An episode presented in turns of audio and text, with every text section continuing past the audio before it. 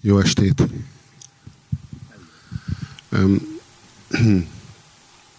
Megfigyeltétek-e, hogy a, a modellek a plakátokról soha nem mosolyognak rád?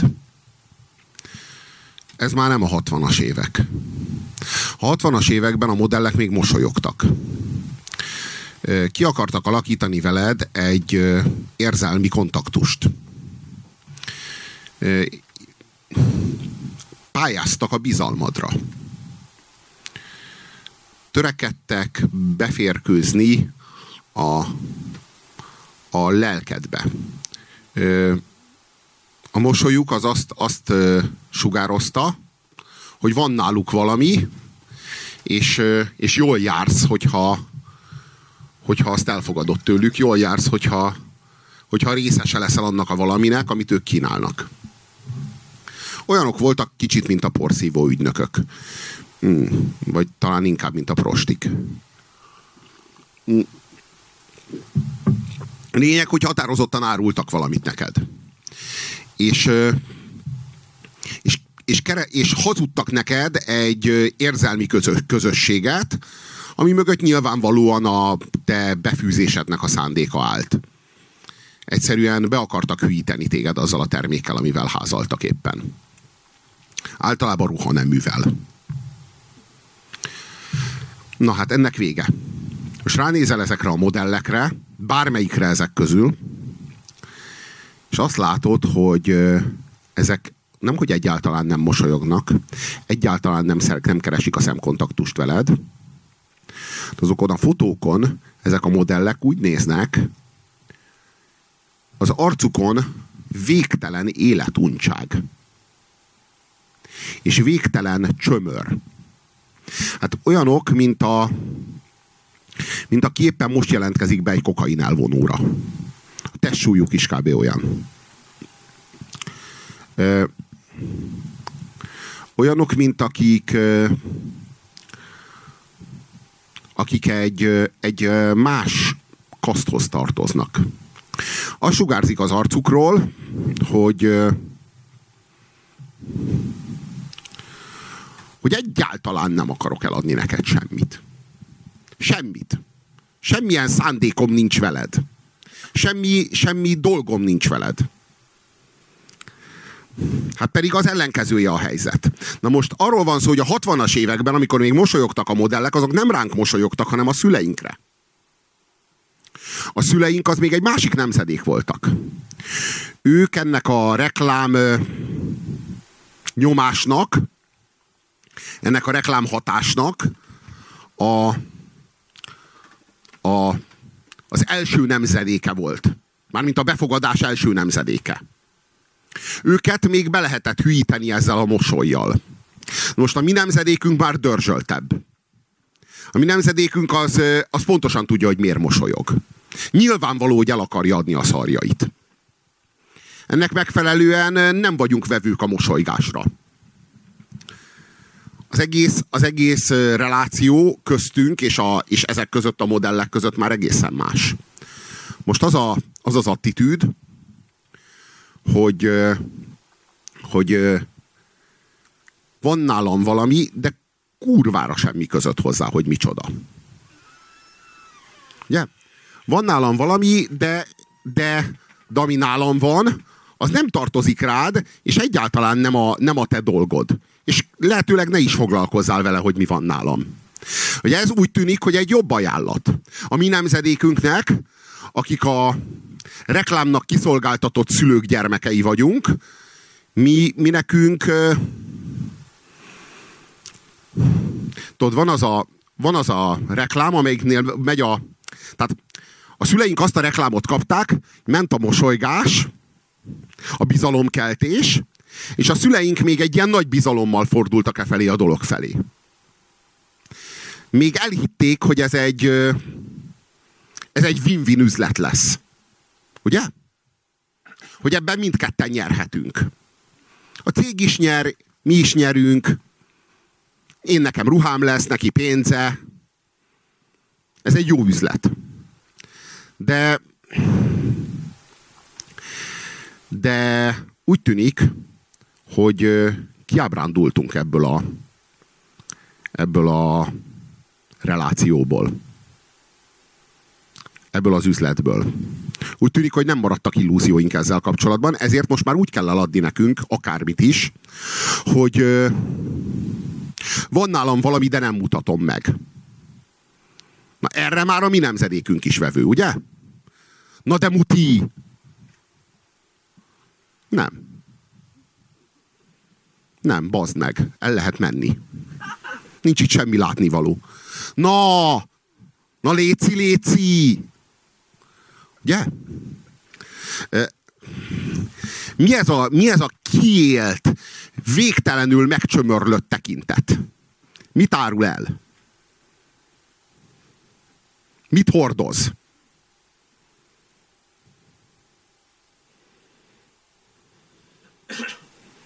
Hm? Hát...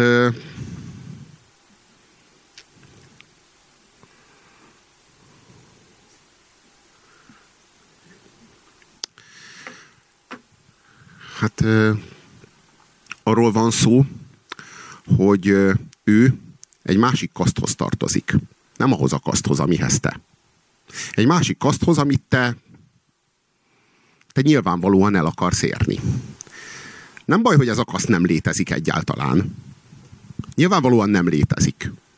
De minden ilyen modell, minden ilyen plakátról ennek a kasztnak a hazugságát állítja. Hogy valahol létezik egy világ, ahol ezek a, ezek a ezek az elképesztően vékony, elképesztően, hát elképesztően ilyen gazellatestű csajok, ezek ilyen végtelenül kiélten buliznak. És nyilvánvalóan folyamatosan afteroznak. Tehát sosincs az nap, így folyamatosan más nap van. Folyamatosan ez a kiéltség. Folyamatosan ez a lerongyoltság. Ugyanakkor valamiért vonzó ez a, az a tekintet, mert hogy néz rád? Mi van az arcán?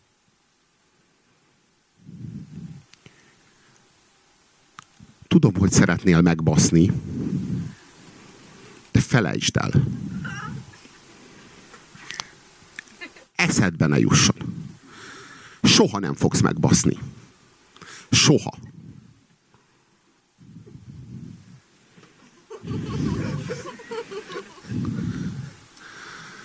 És akkor az ember már így, így, így rögtön az az élmény, hogy de had.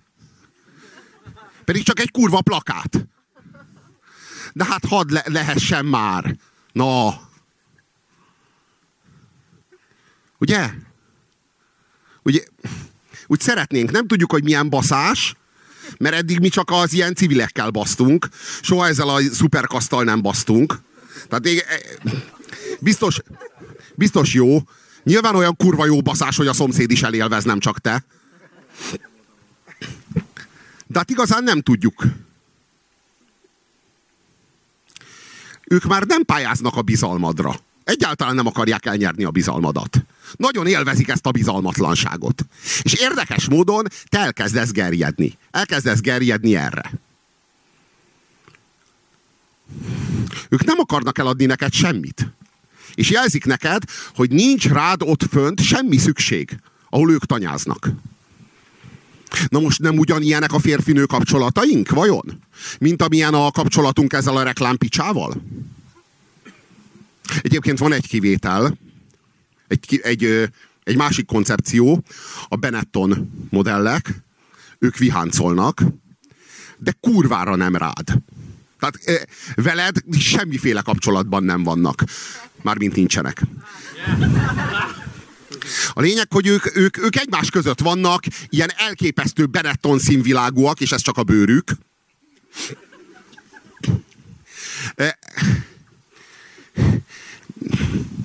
Ilyen albínó négerek, meg ilyen, tehát ilyen, ilyen elképesztő különleges szerzetek. A, a színvilágukat feldobja a rendkívül színes Benetton cucc, ami rajtuk van. És azt látod, hogy ilyen hihetetlenül jól buliznak, és a fotós az csak kileste ezt. Ahogy ők egymás között ilyen hallatlanul jól viháncolnak. Ugye? De hogy így veled semmi kapcsolatuk nincs. Semmi. Tehát így, így nem, nem az van, ami a 60-as években volt. Nincs az, ami a 60-as években volt. Hogy most elmaradt a röhögés. Hogy, hogy a, a modell az az, az felkínált neked valamit. Persze azt hazudta a modell mindig, hogy a pináját, de tudtuk, hogy csak a ruhát. De, de ez egy jó, ez egy jó rituálé volt köztünk meg a modell között. Hogy így igazán dugni hív, aztán végül megveszük a ruhát, és még örülünk is, meg ő is örül. De, de hogy a csajok gyakran csinálják ezt a csávókkal, hogy így kis flört, a vége mi lesz, egy nem tudom én, egy mit előrengeded, vagy föl, föl, föl, föl, fölsegíted a kabátját, és az egy a gesztus, gesztus értékén megvan a dugás élmény, persze dugás nélkül. De, de megvan az az élmény, hogy hát hmm, a férfi, a nő, meg tehát ez az egész, ez egy ilyen, egy ilyen kis rituálé, amit itt szeretünk, élvezünk. Na, hát a helyzet az, hogy a, a mostani modellekkel ez már nincsen meg. Megszűnt hanem van ez a hideg közöny, és bennünk meg ez, a, ez, a, ez az epekedés. Mert ugye a 60-as évek modelljei iránt azt éreznénk mi, a mi nemzedékünk, világos, nem nekünk gyártották, hanem a szüleinknek. A mi nemzedékünk, hogy hm, hogy kelleti magát a kis kurva. Hát kell a faszomnak, apám talán megbaszta volna. Nekem erre semmi szükségem nincsen. Hát nyilvánvalóan kínálgatja a pináját vagy a nem tudom, farmer nadrágot, blues-t, sált, blazert, teljesen mindegy, hogy mit árul éppen, de minden esetre ez, a, ez az arcunkba vigyorgás, ez már nem működik. Ez velünk már, mi nemzedékünkkel már nem működik. A mi nemzedékünknek mi az élménye? Hogy, hogy már egy nagyon, hogy mondjam, egy nagyon faszakaszthoz tartozunk mi, már mi magunk is, nekünk egy ilyen überkaszt kell, így magasan fölöttünk, és annak kell úgy ránéznie, azzal az iszonyatos megvetéssel az arcán, hogy a csököt faszodat belém raknád, te szar? Hát nem fogod, soha. Soha. Menj haza, és basszad meg az asszonyt. Azt a négyes nőt a tízes skálán, aki neked jutott. Te senki. Ugye ez a, így néz rád a modell. De mindegyik modell így néz rád. Na most ez nem mond el valamit rólunk? Meg, a, meg, az, meg az emberi kapcsolatainkról? Meg a férfinő kapcsolatainkról? Hogy a szüleink gerjedelme az még egy olyan meg bizalma, meg emberi kontaktus képessége, az olyan volt, hogy ő mosolyog, én visszamosolygok rá, és ez az egész így bele, bele ö, gyaloglunk egymás nemi szervébe, hiszen ez egy win-win üzlet. Ugye? A mi nemzedékünk erre már szánakozva néz. Így rám vigyorog, és azt mondom, hogy így tudod, kire vigyorogja a saját kasztodból valami nyomorultra, aki, aki vevő erre a szarra, esetleg apámra. De ez a vigyorgás az olyan, hogy így hm, ez nem, nem igazán jó ajánlat. Nekünk arra, nekünk arra van szükségünk, arra a modellre, amelyik ezt a megvetést sugározza. És akkor azt érezzük, hogy na, ennél van valami, ami nekünk kell. Mi ez az élmény? Mi ez a létállapot? Mi ez a... Nem ezt fogalmazta meg a Woody Allen úgy, hogy nem akarok olyan klubhoz tartozni, amelyik elfogadna tagnak? Nem ebből következik az, ahogy ez a modell néz? De ez a modell úgy néz, mint annak a klubnak a tagja, hova nem tartozhatsz, baszod. Hát jó, hogy megveszed a blézert.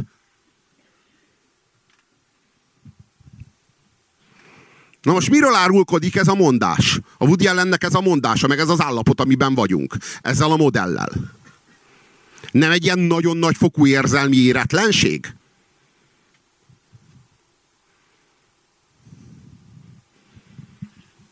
És valójában van titka? Van a modellnek titka, vagy bármelyikünknek titka? Létezik ez a kaszt?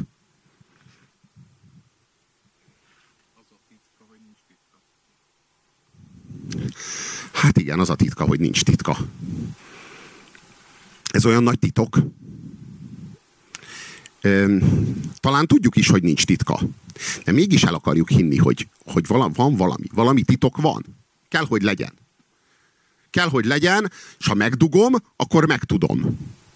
És azért már dugtunk meg ilyen, ilyen, ilyen végtelen kiégettséggel, lenézéssel, és, és, és ezzel a sorvadék tekintettel néző partnert. Biztos vagyok benne. Ugye? És mi volt a titok? Mi volt, ami kiderült? Mi volt? Volt egy gyémánt a pinájában, amit előhaláztál, és vettél belőle egy kibaszott nagy kontinens, vagy egy golfpályát helikopter leszállópályával? Nem volt. Nem volt. Semmi, nem volt. Nem volt, és nem volt a pináján belül egy másik nő, akit megdughattál. Az se volt. Jó, hát ha terhesen dugod, akkor lehet. Esetleg, igen. De... Hm. A tolvajkergetők egy új, új móduszt ajánlanak.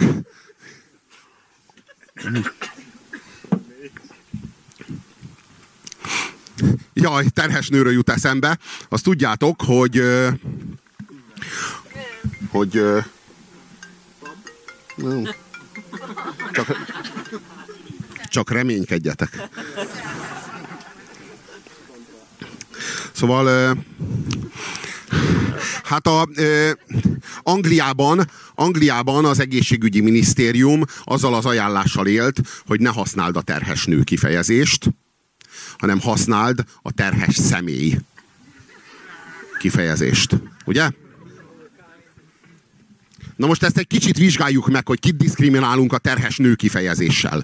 Hát például a terhes férfiakat, ugye? Ugye? Ugye azt mondom, hogy a terhes nő, és akkor így a terhes férfi azt mondja, hogy hát én már szart se érek, ugye? A Bástya elvtársnak a klasszikusával. Vagy miért kell terhes személynek hívni? Hogy így, a, hogy így ne legyen az az élmény, hogy terhes nő. Hát ez, ez csak egy terhes nő. Igazából. Vagy értjük a logikáját a dolognak?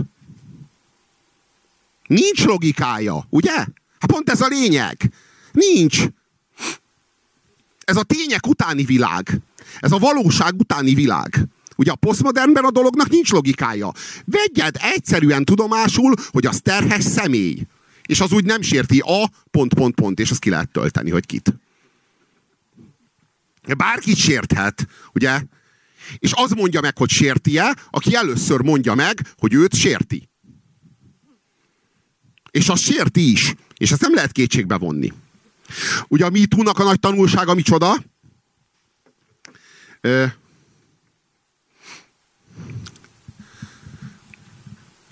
hogy a, a traumát azt többé nem csak okozni és elszenvedni lehet, hanem hazudni is. A MeToo előtt ez, ez föl sem merült. Föl sem merült ez a trauma hazudás dolog.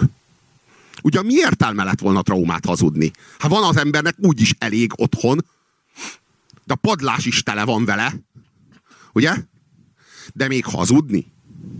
Na most a, az, hogy a ö, akartam erről csinálni egy műsort a tévébe, hát nem engedték meg. Mert hát hogy lehet ilyet mondani, hogy a traumát hazudni is lehet? Hát ilyet nem lehet mondani. Hát úristen, hát a, a MeToo, hát lecsap ránk a MeToo. Ugye? Holott szóval nem állítottam, hogy minden MeToo hazugság. Én kurvára nem mondtam. Csak azt mondtam, hogy azt, hogy egy MeToo az hazugság-e vagy sem, azt nem lehet vizsgálni. Mert ha vizsgálod, akkor áldozathibáztató vagy. Automatikusan. Na most ezzel, ezzel a, ezzel a helyzettel, hogy a MeToo igazságtartalmát nem lehet vizsgálni, és hogy a traumának a, a realitását azt nem lehet vizsgálni, ezzel hát igen sokan visszaélnek. Például Lilla asszony. Ugye?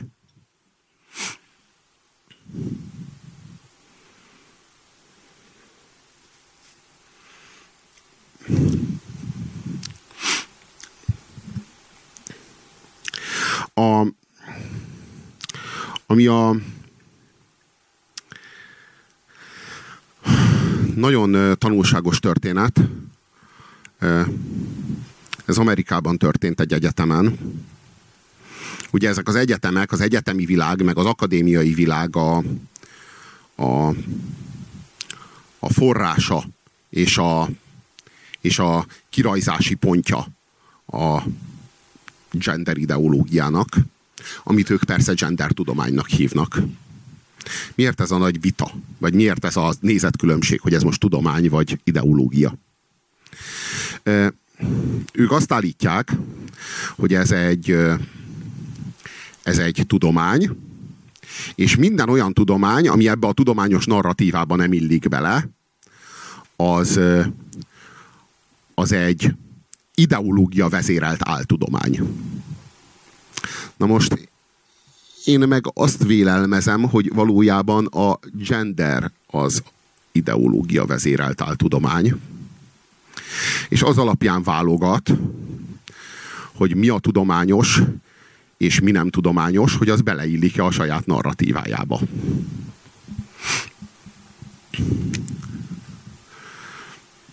Most én látok egy nagyon sajátos párhuzamot a,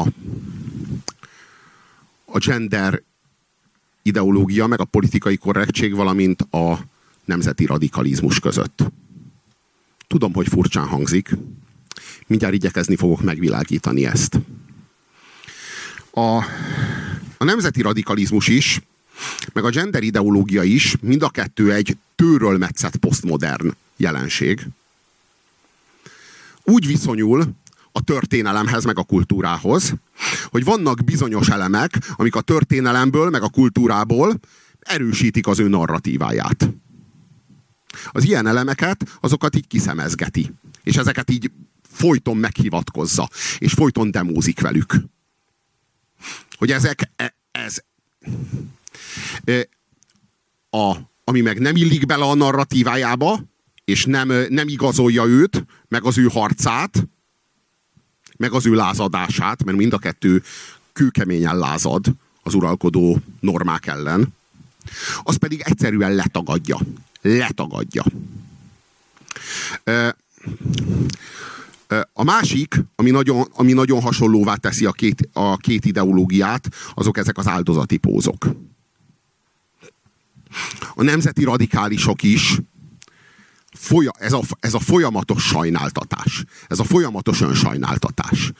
Jaj, szegény árva Magyarország. Népek Krisztusa. Az egész történelem során hát minket csak vert az Isten.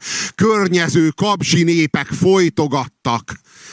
Na de most, most eljött a, a fordulópont. Én mindig ott, ott állunk a kibaszott fordulópontban. Minden pillanatban, amikor egy ilyen figura beszél. Most megfordul, most megfordul a történelem, ugye? Mostantól véget ér az áldozatiságunk. Ugye? És arról van szó, hogy ami a múltban, amikor áldozatok voltunk, meg minket megbasztak valamiért, éppen, azokat így, azokat így kiemeljük, hogy na hát itt, itt, itt látszik, hogy mi vagyunk a népek Krisztusa. Minket meggyaláztak a múltban, de hát most jár nekünk ezért a, a minden, röviden. Ugye? A, a, femini, a feminizmus is ugyanígy, ugyanígy áll hozzá ehhez. Jár a minden, mert az egész történelem arról szól, hogy minket szopattak. Jogtalanul és alaptalanul.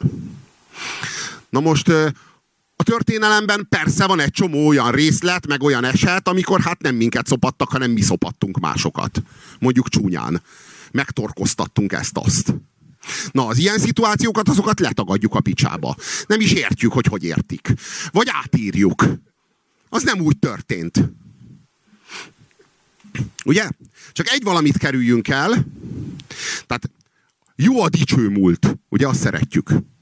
Meg jó az áldozati póz. Azt is szeretjük. Mind a kettőt szeretjük, mert mind a kettőből le lehet vezetni azt, hogy nekünk jár. Vagy jár az erőjogán, ahogy a Führer mondta, vagy jár az ilyen krisztusi alapon, hát mint az eltiportaknak a boldogok, a szegények, meg az elesettek. Azoknak is jár, ugye? Hát mind a kettő kurva jó hivatkozási alap. Vagy az erőjogán úgy is jó, vagy hogy eltiportak minket, akkor meg jár a jóvátétel, ugye? Na, egy valamit viszont szigorúan el kell kerülni. Hogy mondjuk nem vagyunk se jobbak, se rosszabbak, mint más nép. Ugye? Na hát erről szó sem lehet. Hogy mondjuk pont annyit érünk, mint a többi. Ugye? Na hát erről szó sem lehet. Hát ez fel se vetődjön senkinek a fejébe. Hát ez a legnagyobb gyalázat, ha valaki ilyet mond. Ugye? Arról szó sem lehet, hogy a férfi meg a nő, az tulajdonképpen a történelem folyamán mindig is együttműködtek. Voltak bizonyos szituációk, meg bizonyos élethelyzetek, amikor a férfiak szívtak nagyobbat, hát voltak olyanok, amikor a nők, de hát tulajdonképpen ez egy ilyen váltakozó, sikerű együttműködés volt. Váltakozó dominanciával és váltakozó eredménnyel. Ugye ezt a narratívát, ezt el kell kerülni.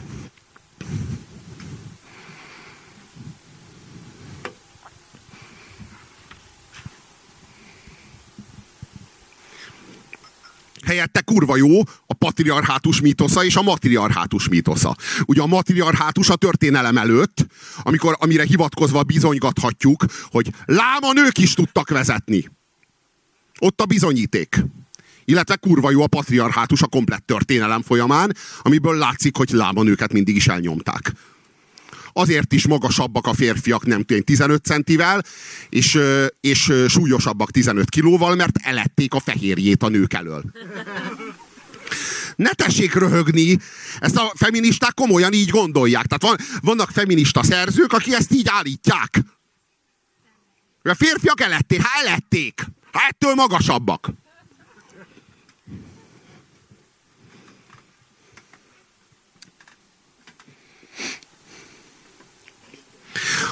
A sztori az arról szól, hogy egy diák ö, hallgató, az felkelt a fizika tanár ellen egy egyetemen, egy afrikai diák Amerikában, nem afroamerikai, hanem afrikai diák, és, és elkezdett kiabálni a tanárral, hogy a tanár vegye tudomásul, hogy ő, ő nem hajla, ő, ő ne, neki nem kötelessége elfogadni, meg elismerni ezt, amit ő itt hallott, hogy itt a, a föld az gömbölyű, meg forog, meg a nap körül kering, hogy ő otthon a törzsében, Afrikában azt tanulta, vagy hallotta, hogy a föld az lapos, és négy teknős béka tartja. Na akkor menjen vissza oda, hallottuk a tolvajkergetők javaslatát. Jó, hogy a tolvajkergetők mindig egy lépéssel előttünk járnak, és már van egy kész koncepciójuk, hogy hogy kell ezt a problémát megoldani. Na, tehát... E, e, e, én meg azt gondolom, hogy, hogy ezt a problémát én azt gondolom, hogy szellemi síkon kell megoldani. Szóval nem fogjuk tudni úgy megoldani, hogy husánggal visszazavarjuk Afrikába azt, aki ezt nem így gondolja.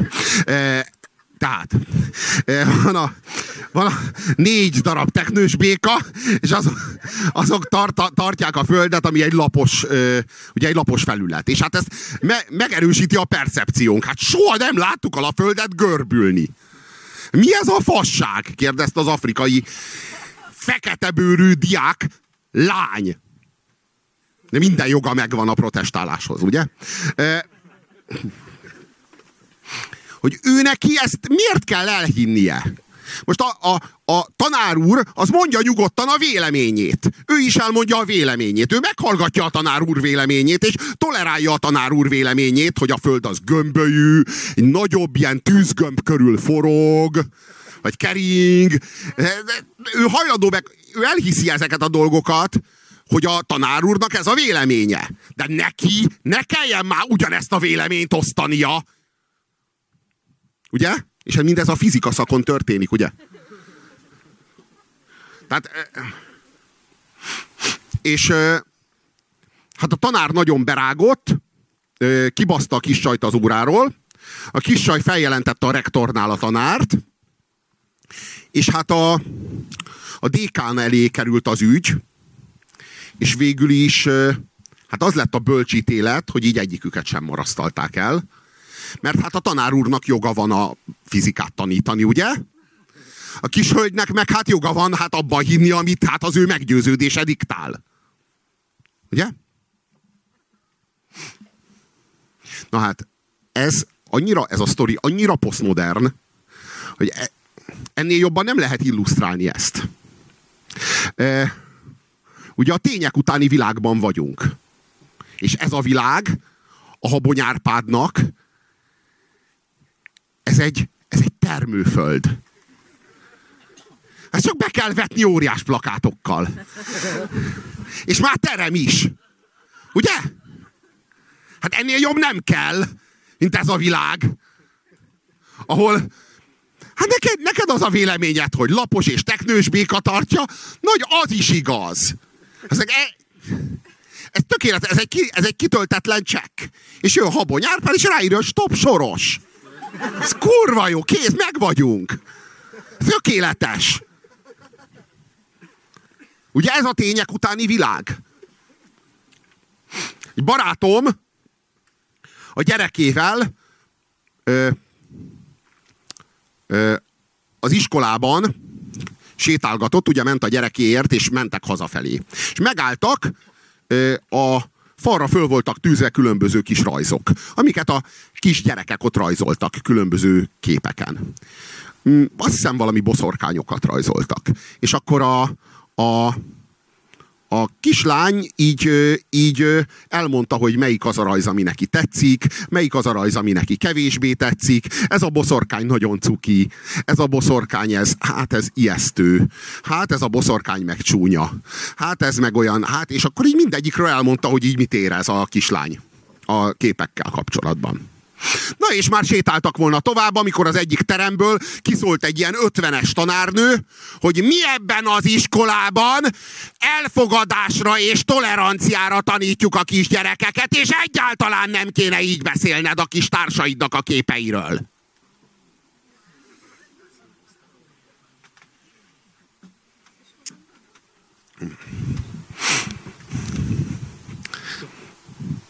Tolvajkergetők pofán baszták volna a tanárnőt. Közvetítek. E, már értjük is, hogy miért nincs már tolvajkergetés.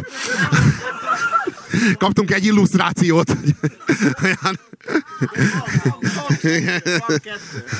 Szóval... Mm, mm. Szóval... E, a, a, a, azt látjuk már, hogy ez, a, hogy ez az ideológia, ez milyen erővel ostromolja a, már, már a közoktatást. Már ez egy teljesen átlagos budapesti általános iskolának a teljesen átlagos ötvenes tanítónője. És ez már felmondja ezt a PC dogmát. És ugye mondta szegény haverom, hogy de hát miért nem mondhatná el a kislányom a véleményét ezekről a képekről? Hát nincsenek itt az alkotók. Alkotók. De nincsenek itt a kis gyerekek, akik ezeket rajzolták. Nem sért meg vele senkit. Tehát nem, nem, nem, nem történik semmilyen inzultus, senkinek nem kell mitúznia emiatt most. Amire az volt a válasz, hogy mi ebben az iskolában toleranciára és elfogadásra tanítjuk a gyerekeket, és egyáltalán nem kéne a kis társaidnak a képeiről így beszél. Érted? És felmondta újra a mantrát. És így ezekben föl sem merül, hogy a toleranciára, meg az elfogadásra, arra ilyen intoleráns, ostoba, agresszív módon ne neveljen már senkit, bassza meg. Hogy esetleg próbálja meg, próbálja már meg tolerálni azt, hogy valaki mondjuk, mondjuk van egy véleménye egy képről. És nem lehet. És már tréningeken, ugyanezt a haveromat, aki egy cégnél dolgozik, már tréningeken agymossák, hogy hogyan kell kommunikálnod, hogy, hogy nem lehet, hogy, hogy semmi, tehát hogy minden meg van bélyegezve, ami valakit sérthet. Bárkit sérthet. Nem mondhatsz semmit, ami bárkit sérthet. Tehát arról van szó, hogy neked nem a valóságról kell referálnod, a te viszonyod nem a valósággal van, hanem a bárkivel, aki megsérülhet. Hát nem egy konkrét embernek a konkrét érzékenységéről van szó. Még csak arról sem. Hanem a bárkiről, aki sérülhet. Bármikor, bárhol. Na most erre, erre van egy szavunk, hogy mi ez, ami nem sérthet senkit semmikor. Ez a bulvár. Ez az érvénytelen közlés. Ez a fecsegés. Ez a mellébeszélés. Ez a small talk. Ugye? Amikor soha nem a lényegről beszélünk, hanem mindig így elbeszélünk a lényeg mellett. Mondjuk az időjárásról. Ugye? Vagy arról, hogy te jól átsütve szereted? Vagy véresen? Jó, a véres az már sérthet valakit, nem? Úgyhogy jól átsütve szereted. Kivéve az égési sérülteket, mert azokat sértheti, ha jól átsütve szereted, ugye? De nem arról van szó, hogy, hogy ez egy olyan ö, ilyen, ilyen, ö, ilyen amőbaszerű, ilyen képlékeny, fluid ö, ö, hitrendszer, meg nézetrendszer, meg tanrendszer, amit bárki magára szabhat, bármikor. Amikor csak kedvében, kedvében ö, ö, van mondjuk mitúzni egyet, vagy magát áldozatnak feltüntetni akkor rögtön magára szabhatja ezt, és mondhatja azt, hogy ez engem sérte, fogd be a pofádat, és hogyha nem fogod be, akkor Hitler vagy. Hitler. Náci vagy, baszod, náci. Náci. Hiszen te éppen sértesz valakit azzal, amit éppen mondasz. És hát Hitler is ezt csinálta, ugye? Hát nem csak ez, de hát így igazából így kezdődött a dolog. Hogy így mondott csúnyákat, aztán meg hát elégetette csomó embert. Logikus, nem? Hát... Hm.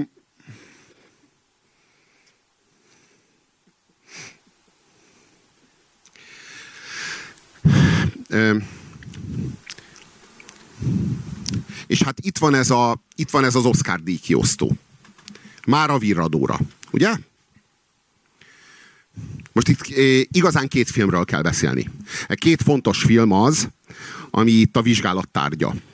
Ugye két film volt, ami nagyon keményen politizált, és nagyon keményen ö, reflektált a mármint a legjobb filmnek járó Oscar díj, meg a legjobb rendezőnek járó Oscar díj. Tehát ebben a, ebben a Grand Oscar kategóriában. De mindegy, mert a kisebb kategóriákban is mindegyik, most már, most már kizárólag olyan filmek kaphatnak Oscar díjat, amelyek a, a politikai korrektséget, korrektségnek a dogmáit így felmondják. Na hát két olyan film volt, ami, ami, ami versengett. Az egyik az ugye a három óriás plakát volt, a másik az meg a vízérintése. És hát a vízérintése nyert.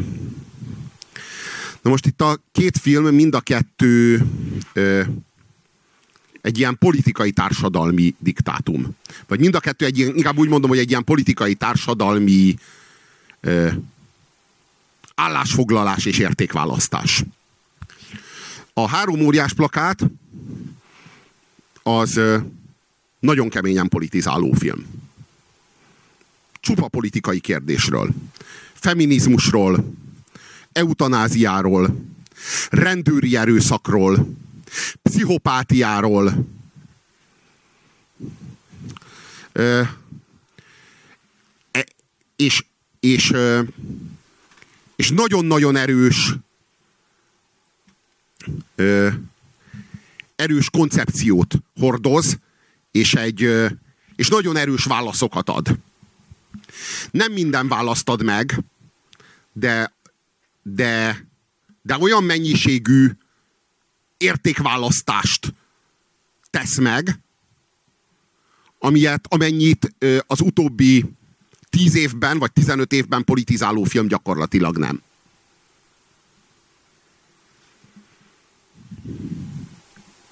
Nem tudom, melyik film volt az, amelyik ilyen nyíltan politizált, és ilyen nyíltan foglalkozott politikai, súlyos politikai társadalmi kérdésekkel. Talán a született gyilkosok. Talán az, amikor a farok csóválja. Volt az utolsó olyan film, ami, ami, ami ilyen szinten uh, vájt bele a, a társadalom, a politika, a kultúra velejébe. És akkor ott volt ez a Vízérintése című film, ami az általam korábban meglehetősen kedvelt Guillermo del Torónak a, a tolerancia kampányfilmje. Toleráld a kopoltyúval és tüdővel egyszerre lélegezni tudó béka embereket. Ez volt a filmnek, a, ez volt a filmnek körülbelül a közlése. Ugye a filmben a jók és a rosszak álltak egymással szemben. A jók frontja az a fekete nőből a, a hangszál nélkül született néma, kvázi fogyatékos csaj, kis csajból, és a, és a homoszexuális, hát ilyen ötvenes csávóból állt. Tehát ők voltak a jók frontja. És hát velük szemben az elnyomó férfi, fehér férfi, amelyik az államuralmat ö, hordozza, és az államhatalomnak a tekintélyével és erejével lép fel. És az ő, ő pedig hát ugye a gonosz. És hát neki is volt egy főnöke, szintén fehér férfi. És ugye az egész, az egész film arról szólt, hogy itt a Guillermo del Toro próbára tette ezeket, hogyha ezt a PC receptort addig birizgálja, amíg ezek elélveznek, akkor okádnak-e egy oszkárt? Vagy hármat? Ez történt. Ez történt. És így pontosan megcsinálta azt a filmet, amit, amit, aminek ezek már nem tudnak ellenállni, egyszerűen muszáj az oszkárt odaadni. Még ha nem akarnák, akkor is muszáj lenne. Mert addig öklendeznek, amíg följön. Ö, és ö, ugye a, a három óriás plakátban is megvan a megszomorított nő. Aki, de, de ő nem olyan áldott jó. Eléggé megkeseredett. Eléggé kétesek a morális döntései. Ott van a hát mm, ö, ott van a ott van a rendőrfőnök, aki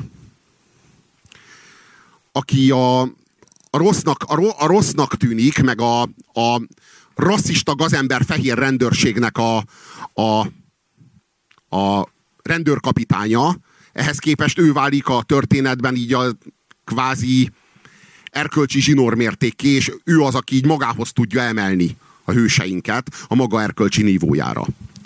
És akkor ott van a Sam Rockwell által játszott Dixon, aki meg egy büdös, alávaló, white trash tahógeci, és képes a, a, a változásra, és képes a, képes a morális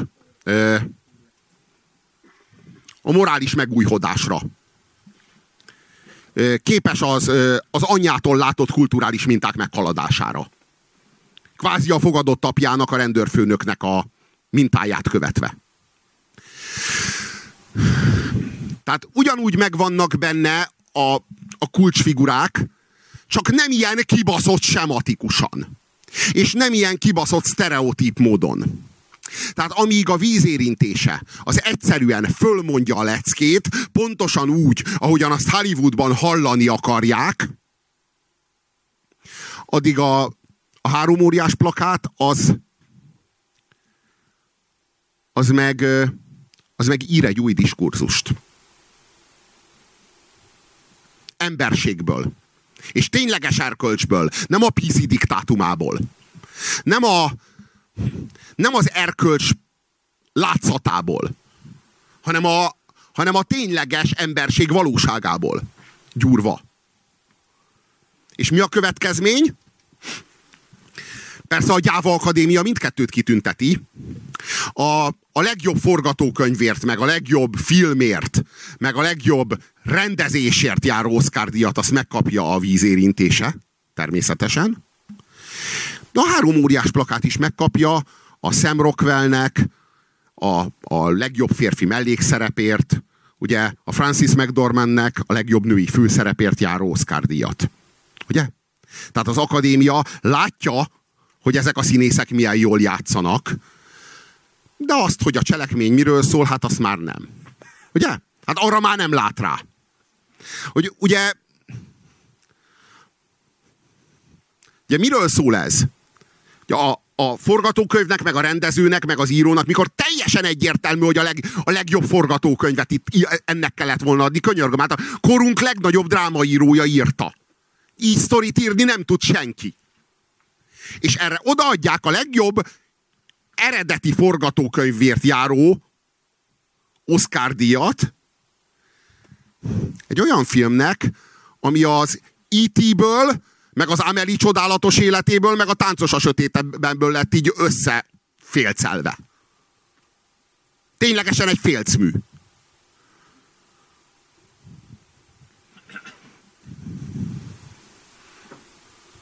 Hogy van ez? Ja, egyébként a... Én nagyon bíztam egyébként az Enyedi Ildikó Oscar díjában, hiszen női rendező. Minden okunk meg volt reménykedni. Hát ez úgy tűnik kevés volt. Hiszen a Superwoman című film Mexikóból, vagy honnan? Vagy Csilléből, vagy honnan? Csilléből egy transznemű nőről szól, vagy hát most transznemű nő, most ezt értse mindenki, ahogy tolerálja. Egy, na jó, hát ezt nem, e, ezt nem lehet, ezt, ezt, ezt nyilvánvalóan nem lehet ütni pusztán azzal, hogy egy rendező nő. Azért értjük ezt? Tehát értjük ezt a valóság utáni világot? Ami, amelyben már nem a, a cselekményt nézzük, hanem azt, hogy ki rendezte, meg ki játszik benne. És a Francis McDormand, amikor átvette a díjat, akkor fölállította a filmben szereplő, vagy a filmben, nem csak szereplő, a filmben szereplő, és a filmben közreműködő összes nőt. És, és, és rájuk mutatott, és azt mondta, hogy kedves Hollywood, őket alkalmazzátok, mert ők csodálatosak. Most az Oscar szerint két gender van csak? Ez a felháborító. Hmm, ez érdekes kérdés. Az Oscar a legjobb férfi és a legjobb női főszereplő. Hmm, hmm. Érdekes. Ez szerint a legjobb transvestita főszereplőnek nem jár Oscar díj. Kérdés nem diszkrimináció-e ez? Dönts el az illető, hogy ő most férfi vagy nő, és akkor ez szerint indulhat itt vagy ott. Nyilvánvaló, hogy azt megnyeri. De hát könyörgöm. Most valaki transznemű, és férfiakkal együtt kell egy-egy kategóriában versenyeznie. Nem megalázó ez? Valahol? Nyilvánvalóan kéne egy legjobb transznemű főszereplő és legjobb transznemű mellékszereplő kategória. Na ez viszont kurva jó, hogy a minden gendernek kell egy, de most hagyjuk már, hát most még, még hány gender van? Most a transzneműt azt értem. Na az a kérdés, hogy van-e minden évben készül-e öt olyan film, amiben van transznemű főszereplő és transznemű mellékszereplő, hogy egyáltalán föl lehessen állítani a kategóriát. De hogyha, na jó, hát hogyha csinálunk egy ilyen kategóriát, akkor majd lesz. Azt tuti. Már készülnek is a forgatókönyvek. De hogy így valójában már, már senkit nem érdekel, hogy miről szól a film. Már senkit nem érdekel, hogy hogy van megvalósítva a film. Már, senkit nem, már senki nem gondolkodik a cselekményen. Senki nem is beszél a cselekményről. Van ez a film Szerész nevű. Hogy hívják ezt? Kovács Gellért filmszerész. Na ez a, ez a, ő a, ő a posztmodern filmkritikus.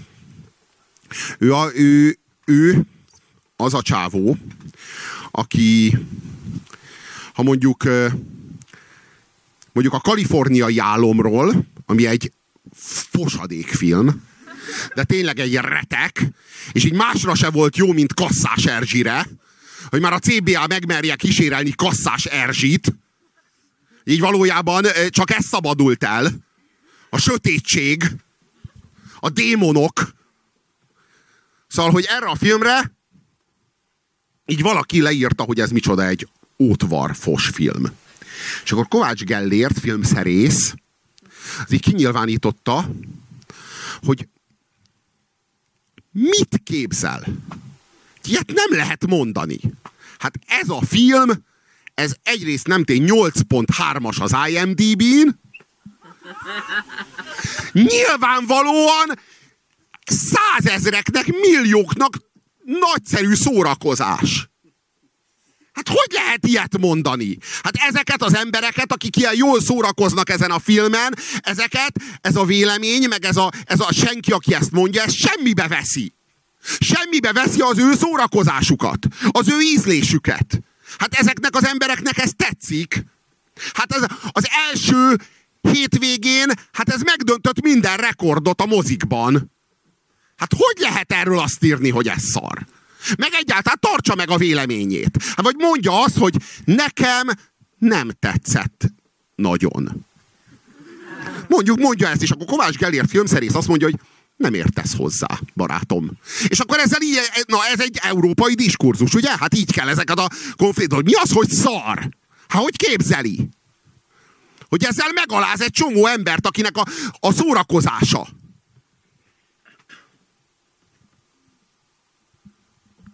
És ez a csávó, ez, ő beszél a filmekről. Tehát, hogy igazából már csak őt kell hallgatni. Igazából ne is nézd meg a filmet, mert megzavar a cselekménye.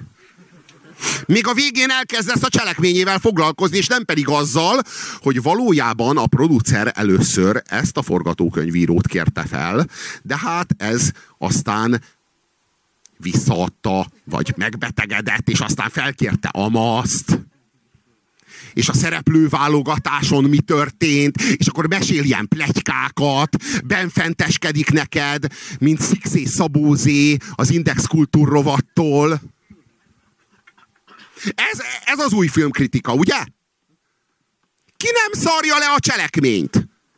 Sztorizzunk, sztorizzunk arról, hogy mi történt a forgatáson. És hogy mennyi volt a költségvetése a filmnek, ehhez képest mennyit hozott az első hétvégén. Ez, ezt, ezt, ezt teszi a filmszerész. Na most az én szememben ez a kultúra halála. Ez a kultúra vége.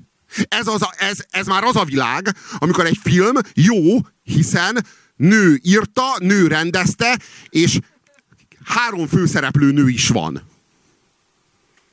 És abból kettő fekete. Tehát jó film.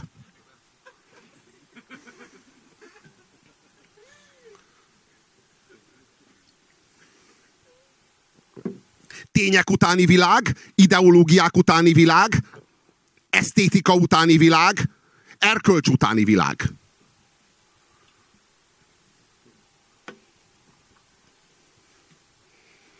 A fogalmak nem jelentenek semmit, illetve bármit. a kettő között nincs olyan nagy különbség, ugye?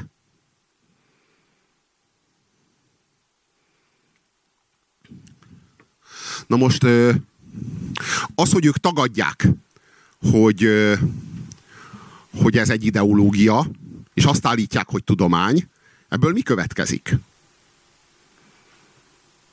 Hát egyrészt az következik, hogy nem lehet tagadni. Ugye? Hát ez ugyanolyan tagadni, mint tagadni a gravitációt. Ugye a gender, a gender fogalmát, meg a, gender, meg a patriarhátusnak a fogalmát tagadni, az olyan, mint tagadni a gravitációt, vagy tagadni a fekete lyukakat tudománytalan. Ugye? Ezért van az, hogyha te mondjuk nyugodt hangon, nem így üvöltözve, hogy én szoktam, hanem nagyon nyugodt hangon, olyan női energiákkal elmondod, hogy szerinted fasság. Ami, ö, hogy te úgy gondolod, hogy ez talán, talán nem feltétlenül volt a történelemben mindig is férfi uralom. Ö, szerinted, ha nem tévedsz. A, mert ugye ez mindig benne van, hogy esetleg tévedsz, de ha fel, feltévede meg nem engedve, hogy nem tévedsz, esetleg lehetséges, hogy talán nem volt mindig, csak hát már egy jó ideje persze, de hogy azelőtt nem volt talán férfi uralom, akkor ő erre Egyszerűen úgy reagál, hogy hát bocsássál meg, de te tudatlan vagy, viszont itt van egy vastag könyv, és rögtön elővesz egy ilyen angol nyelvű könyvet, amit így lerak eléd, és azt mondja, hogy na, ha ezt majd elolvastad, akkor te is fogod tudni, hogy mi a tudomány álláspontja. Ugye? És,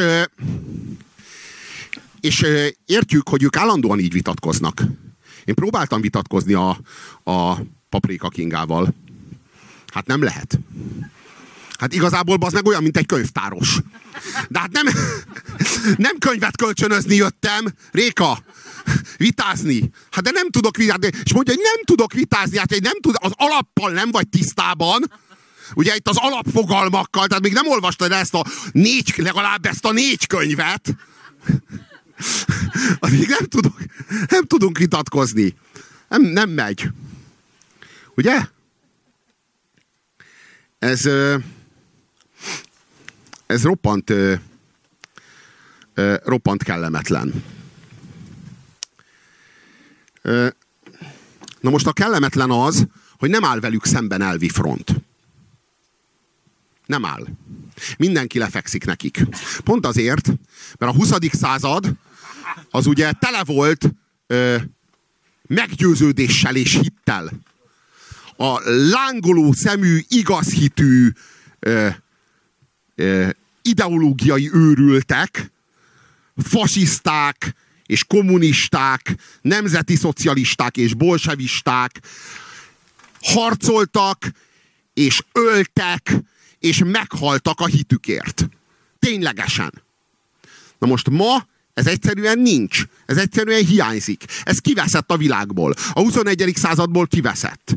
Fogalmazhatunk úgy, hogy a 20. századnak volt értelme, és bár ne lett volna, a 21. századnak nincs értelme, de bár volna. Na most, most, hogy ez kiveszett a világból, ez az igaz hit, gyakorlatilag mindenki harc nélkül leteszi a fegyvert az erőszakosabb fél előtt. Tehát minél erőszakosabb vagy, annál inkább van igazad. Ez a posztmodern logika. Minél agresszívabb vagy, de persze ilyen passzív-agresszív módon. Tehát így az áldozati pózod az, ami kurva agresszív és követelő. Ugye arról van szó, hogy te áldozat vagy. Tehát neked jár egyszerűen a jóvátétel. Jár. Jár a minden. Leginkább a minden. Leginkább amire rámutatsz. Hogy miért? Leginkább azért, amire rámutatsz. Hogyha az a kérdés mi jár, akkor előre felé mutogatsz. Ha az a kérdés, hogy miért jár, akkor hátrafelé a múltadba. Azért jár, mert elővette a faszát a Marton László. És a fotonok megütötték az agyamat, a, beáramlottak a szememen keresztül, és meg, megbaszták az agyamat a fotonok a kibaszott faszáról a, a, a rendezőnek. Mondtam, mondtam neki, hogy László, ez undorító! Tegyed el a faszod, és László eltette. Förtelmes! Úgyhogy ezek után kénytelen vagyok mesztelenül faszt verni a színpadon. Ugye? Hát ez a... Ennyire megsérültem. Ugye? Ez a sérültségemnek egy, egy mértéke. Ugye? Na most... Na most... Ugye a 20. századra, a 21. századra nem maradt hit. Nem maradt igaz hit. Kivéve kettőt. Kettő maradt. A genderizmus és az iszlamizmus. Ez a kettő. Na most ez a kettő, ez hallatlan erőszakosan nyomul. Mind a kettő hallatlan erőszakosan nyomul. És milyen érdekes, hogy mind a kettőnek a nyugati ember az így reflexből aláfekszik. Reflexből. Ugye a, nyuga, a nyugati ember nem hisz semmiben. Mi nem hiszünk semmiben. Mi a, mi a kibaszott McDonald's menüben hiszünk.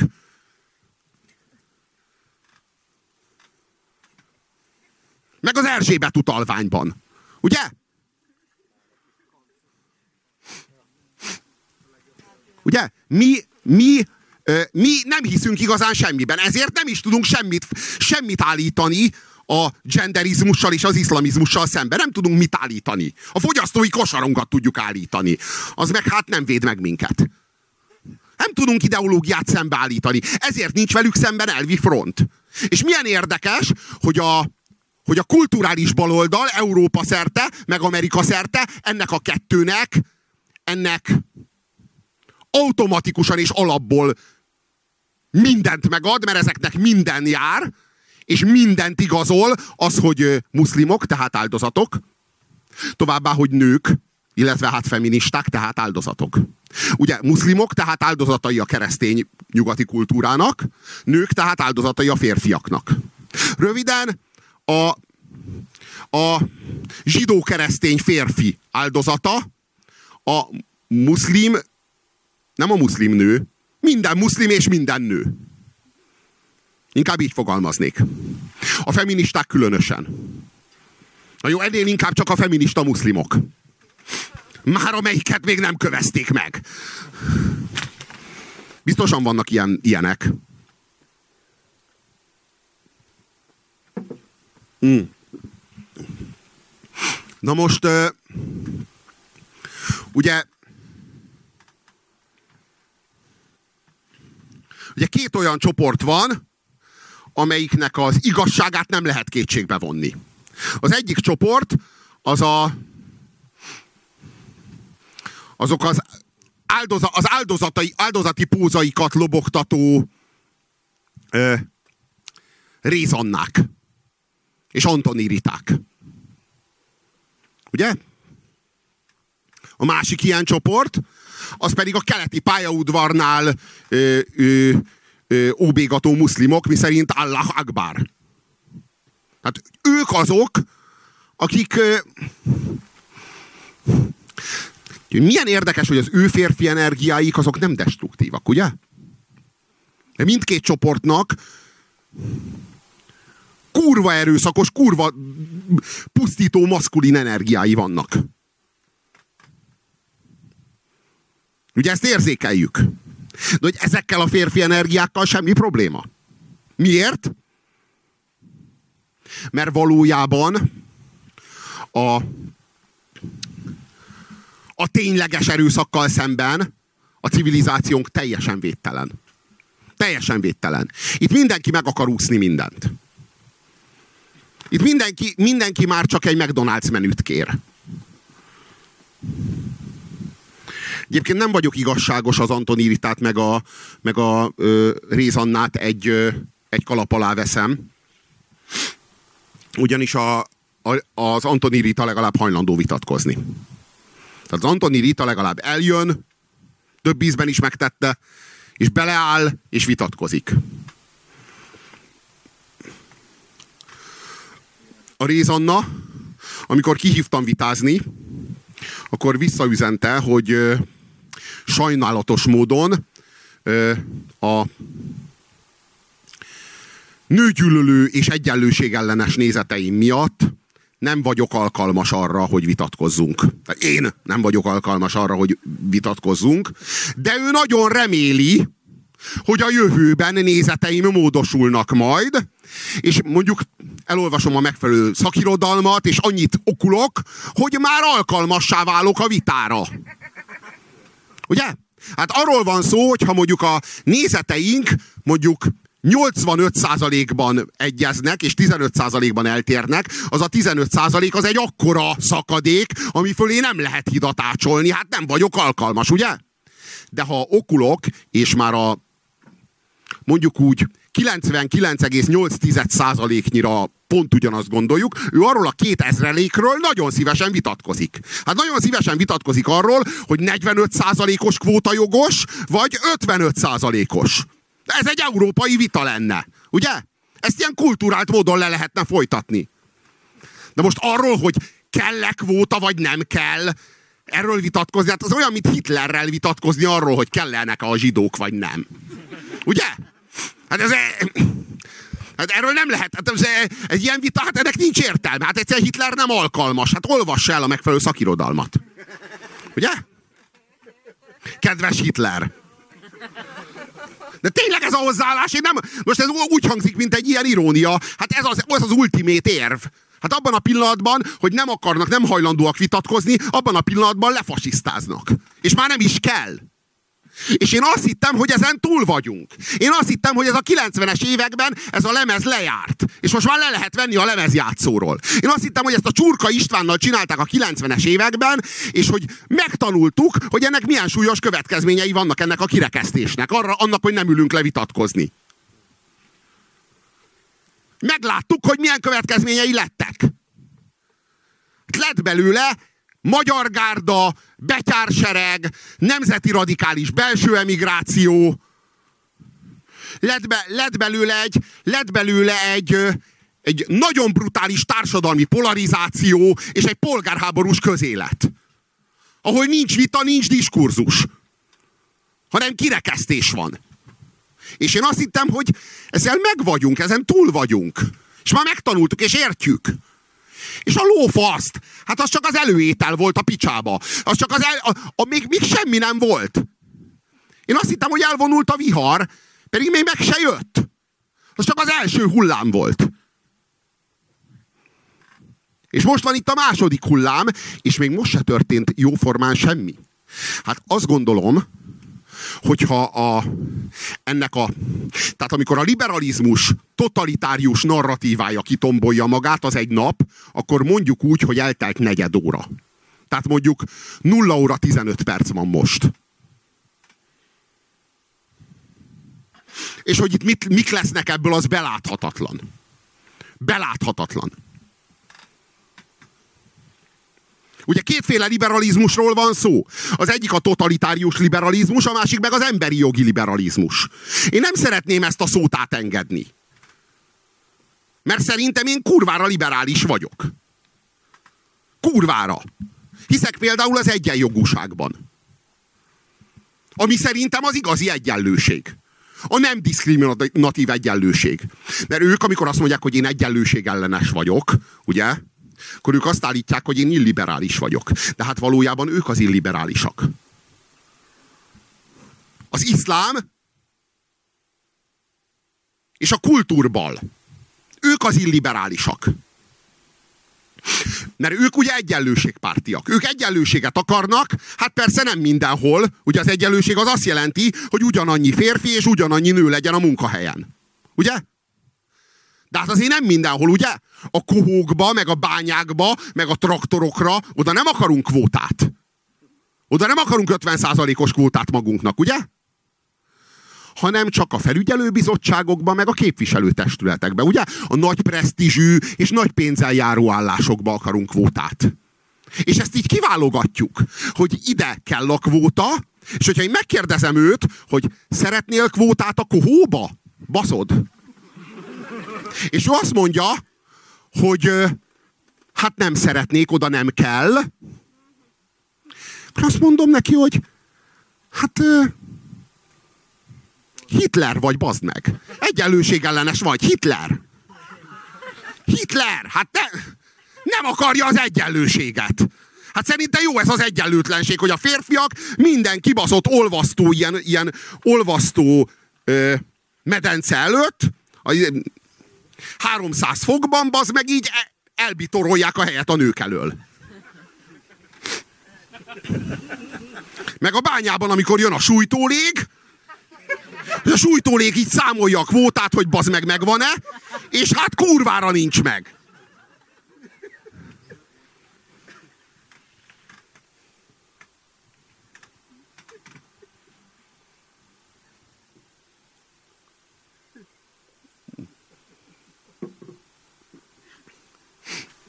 Ugye az, hogy, az, hogy egyenlőség, az az egyenjogúságot jelenti. Az, amiről ők beszélnek, az nem egyenlőség, hanem az az intézményes diszkrimináció. Intézményes diszkrimináció. Mit jelent ez? Numerus clausus 1920. Mi volt a céljuk a numerus claususszal? Azoknak, akik bevezették, az egy pozitív diszkrimináció volt. Az arról szólt, hogy diszkrimináljuk pozitívan a keresztény magyar középosztályt. Ja, hogy ezzel negatívan diszkrimináljuk a zsidókat? Hát... Hát ez ilyen, ugye? Hmm. Na hát most van egy numerus sexus. Ez a kibaszott kvóta. Ugye? Amit ezek követelnek. Ők, ez pozitív diszkrimináció, ugye? Hát ők egyenlőséget akarnak. Ugye? Egyenlőséget. Hát ez a, a társadalmi számaránynak megfelelő rész, részt akarnak maguknak a képviselőtestületekben, meg a felügyelőbizottságokban. Ez azt jelenti, hogy a férfiaknak azoknak mondjuk kelljen egy felvételin teljesíteni 112 pontot, a nőknek meg legyen elég csak 105.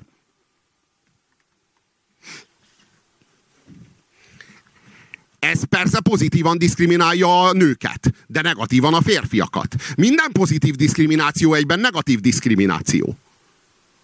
Olyan nincsen, hogy egy diszkrimináció az csak pozitív. Na most én diszkrimináció ellenes vagyok. Úgy gondolom, hogy mindenkinek járjon ugyanannyi jog. Szerintem én vagyok a liberális. És ők soviniszták.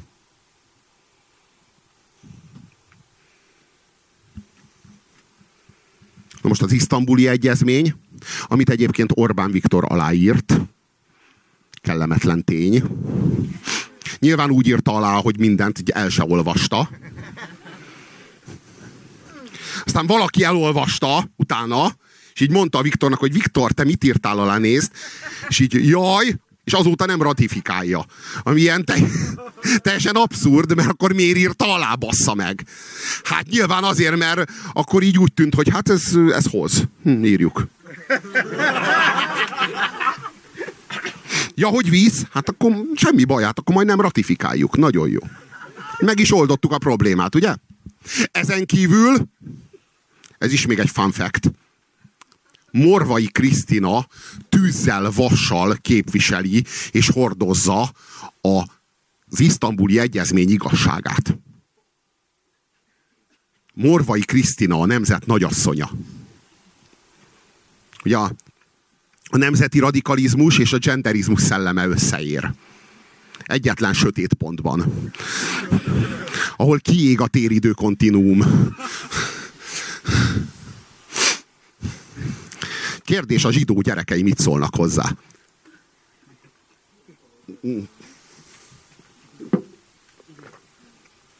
Érdekes, érdekes ez a posztmodern lét. Nem ebben a Morvai Krisztinában ö, úgy találkozik, ö, úgy találkozik minden. Úgy minden, ami ilyen sötétség. Ö, meg ilyen elbaszottság. Ö, létrehoztak egy törvényt Spanyolországban a nők védelmére. Külön bíróságot kaptak a nők. Ugye? Jellemző, jellemző, hogy azonnal a jogrendet támadják.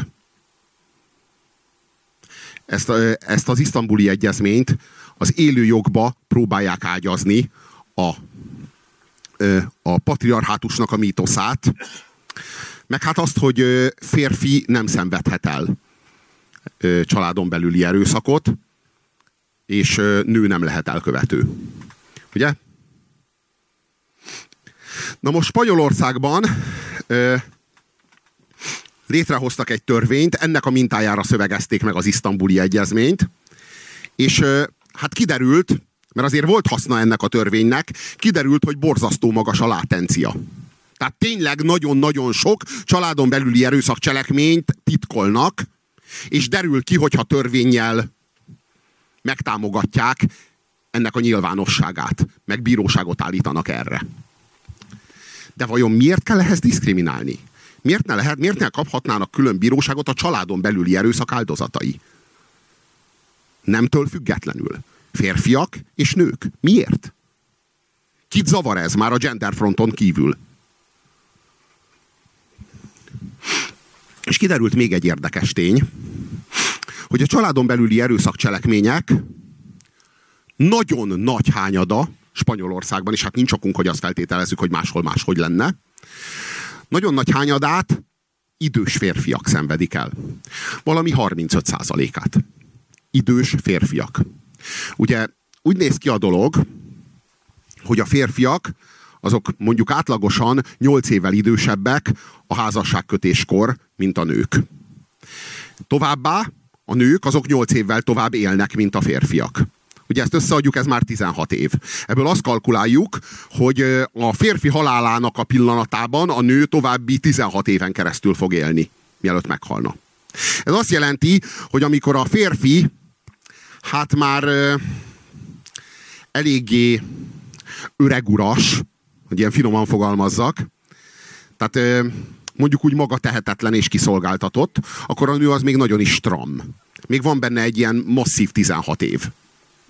Na, hát ez az az alaphelyzet, amikor bizony a családon belüli erőszak áldozatai, azok hát az idős férfiak, az idős kiszolgáltatott férfiak. Tudod, abban a korban, amikor már hát így pelenkázzák őket, abban a korban, amikor már nem nagyon tudják elhagyni az ágyat. Na hát ebben a, ebben a korban nagyon gyakran, nyomasztóan gyakran fenyítik őket. Fenyíti őket a házastársuk. Fizikailag. Ez egy zavaró tény. Ez természetesen ez természetesen ki lett a, a kutatásokból írtva. Tehát ezt nem lehet kutatni. Ugye nem illik bele a narratívába. Ausztráliában egy szociológus akart egy szocio, szociológiai kutatást végezni arról, hogy a nem, vál, nem váltó műtéten átesett pácienseknek az élete az jobbra fordult-e, vagy, vagy nem. Megbánták-e a műtétet, vagy jobban érzik magukat azóta, megbékéltek, a szinkronba hoz, tudták hozni a belső nőt a külső nővel, amivé váltak, vagy a belső férfit a külső férfi valamivé váltak, vagy pedig nem, megbánták, visszacsinálnák, vagy... Na hát nem kapta meg az engedélyt a kutatásra. Ezt nem lehet kutatni. Hát ezt a kutatást nem lehet elvégezni.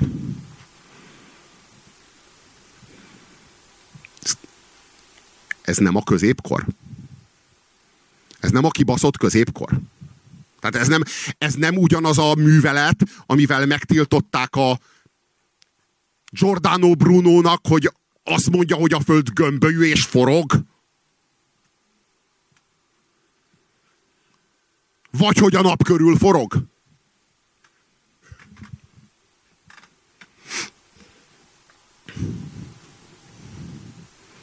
Nem illeszkedik a narratívába.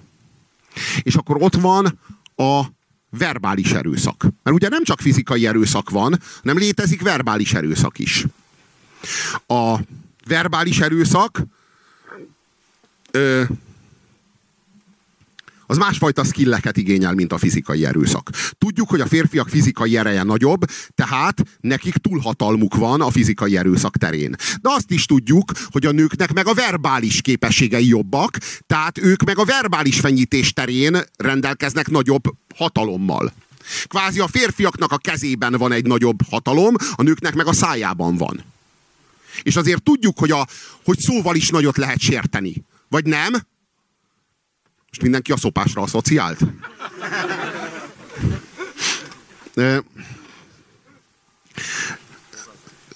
Szóval a tolvajkergetők a fogazásra asszociáltak.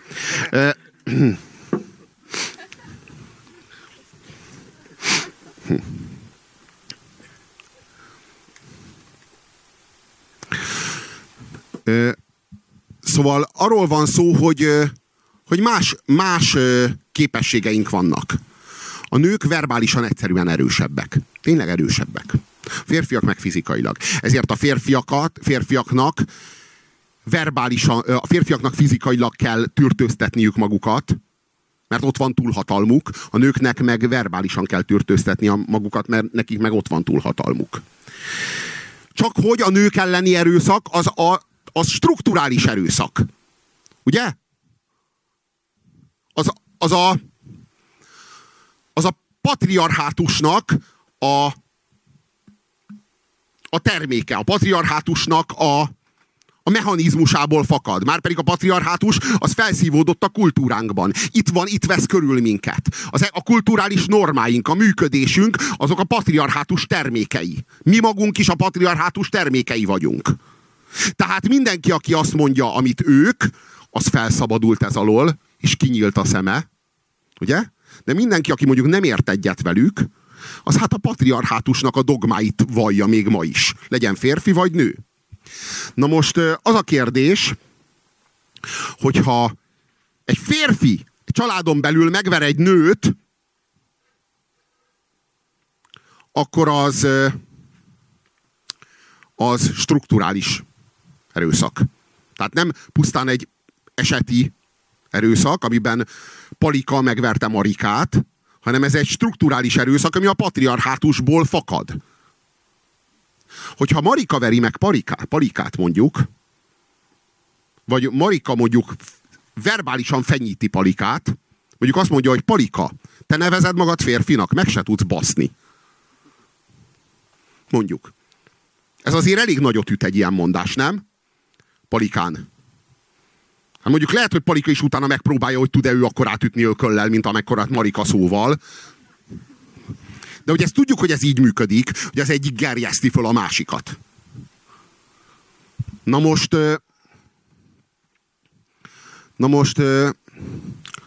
Ez az erőszak, ez nem strukturális erőszak. Ez, ez eseti erőszak. Tehát, hogy ez egy ilyen eseti dolog. Ráadásul, ha verbális, akkor semmilyen, azt meg se tudjuk ítélni, de ha mondjuk Marika egy kibaszott húsglobfolóval szétveri Palika fejét, hát az is egy ilyen eseti dolog. Tehát itt most Marika és Palika ügyéről van szó. Tehát ez nem strukturális. Ez nem, ez nem strukturális férfi elnyomás. Na most a, a, az isztambuli egyezmény az pont arra vonatkozik, hogyha a Palika veri meg Marikát, akkor az nyolc év letöltendő, ha meg a Marika veri meg Palikát, akkor ez meg másfél év felfüggesztett, mondjuk. Mert hát az egyik a strukturális erőszak és a patriarhátusnak a mechanizmusából fakad, és az benne van az isztambuli egyezményben, a másikról meg nincs benne szó. Hát az az egy ilyen két, két az, azt majd szabályozza valahogy a jog, a meglévő jogi, jogi normarendszer. Ugye? Na most ez, ez maga a diszkrimináció. és mindenki folyamatosan bagatelizálja a genderizmus veszélyt. Mindenki folyamatosan. Miközben, tehát folyamatosan azt hallom, hogy nem, nem, nem mániákusan túltolod ezt, te bazd meg. Hogy állandóan ez a mániád, és állandóan erről beszélsz. Miközben az összes baloldali párt lefeküdt ennek. De ideértve a jobbikot is. Most már. És tulajdonképpen a Fidesz az els, ez, egyetlen, amelyik így ellene feszül ennek, jelenleg. Jó, hát egy olyan másfél éve, amióta így a fejükhöz kaptak. Emlékezzünk, hogy két éve Orbán Viktor még Európa legnagyobb óriás mecsetét akarta Budapesten felépíteni. Ugye akkor még nem... Akkor még, még, még azzal azzal hízelgett mindenféle szovjet közép-ázsiai iszlám illiberális államok vezetőinek, hogy az iszlám az milyen egy gazdag kultúra, és hogy a magyarok azok milyen nagyra becsülik. Ő így mindig a magyarok nevében beszél, aztán amikor meggondolja magát, akkor a magyarok mégsem becsülik olyan nagyon jól.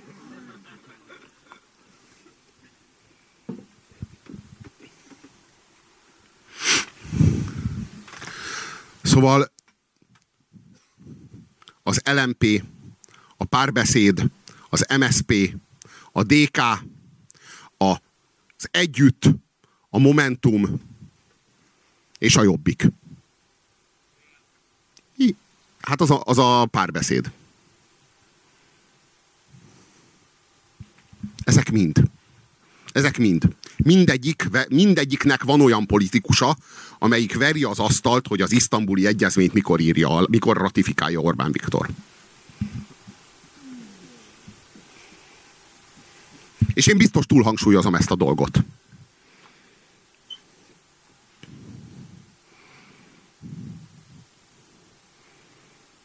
Azt az isztambuli egyezményt, ami arról rendelkezik, hogy a történelemben mindig is elnyomták a férfiak a nőket. Ami egy hazugság.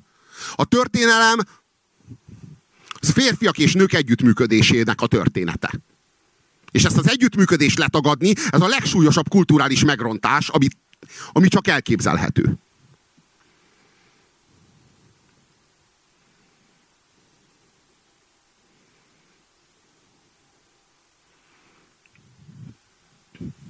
Minden esetre sajátos az angol orvosi kamarának az ajánlása, hogy terhes személy.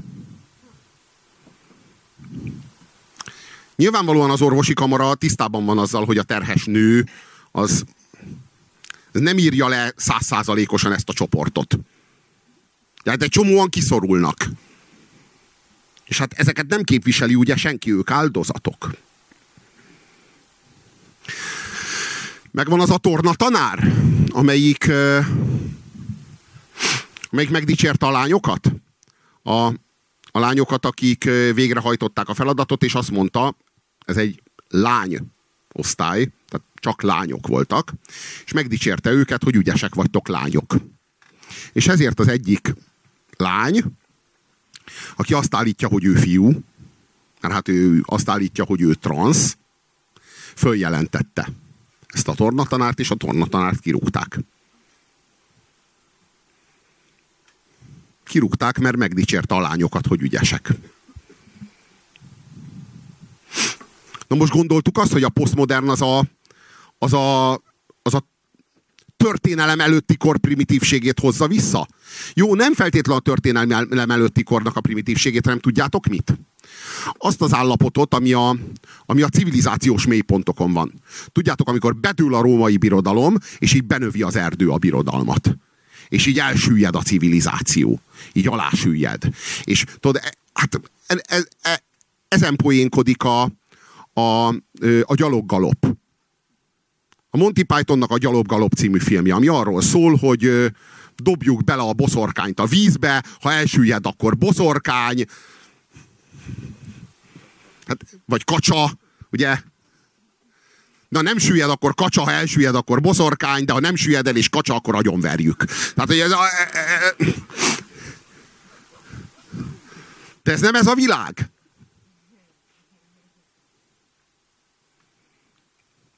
Sajátos. Angliában 21 év alatt nem kérhetsz egy sört egy pubban.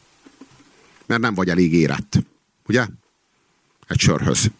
18 év alatt nem vezethetsz autót. De 13 évesen már eldöntheted, hogy férfi vagy nő akarsz lenni, és kérhetsz magadra hormonkezelést. Ehhez elég érett vagy.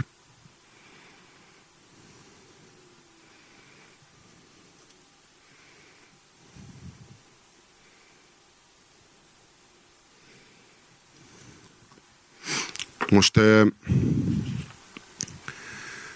a, az iszlamizmus és a genderizmus nagyon hasonló módszertannal ö, hajtja végre a maga térfoglalását. Az iszlamizmus és a genderizmus egyaránt párhuzamos szervezeteket hoz létre az állami szervekkel. És ezek ilyen féláteresztő párhuzamos szervezetek. Tulajdonképpen árnyék társadalmakat és árnyék intézményeket hoznak létre. Az iszlamizmus is így nyomul, és a genderizmus is így nyomul, ugyanezzel a módszertannal. Hogy értem, hogy féláteresztő szervezetek? De ez azt jelenti, hogy ezekből a szervezetekből, ezekből van átáramlás a a hatalom intézményeibe, meg a kormányszervekbe, minisztériumokba, pártokba, minden hatalmi intézménybe, de ezekből a minisztériumokból, pártokból, hatalmi intézményekből meg nincsen átmozgás ezekbe az árnyékszervekbe. Tehát egyirányú a folyamat.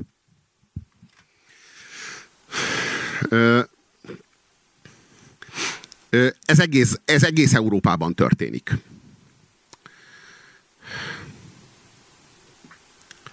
Tudjátok-e, hogy most már a Luinski is mitúzik? A Luinski, aki egyszer már befutott egy karriert azzal, mint az a büdös kurva, aki a szerencsétlen Hillary-t megalázta, ugye?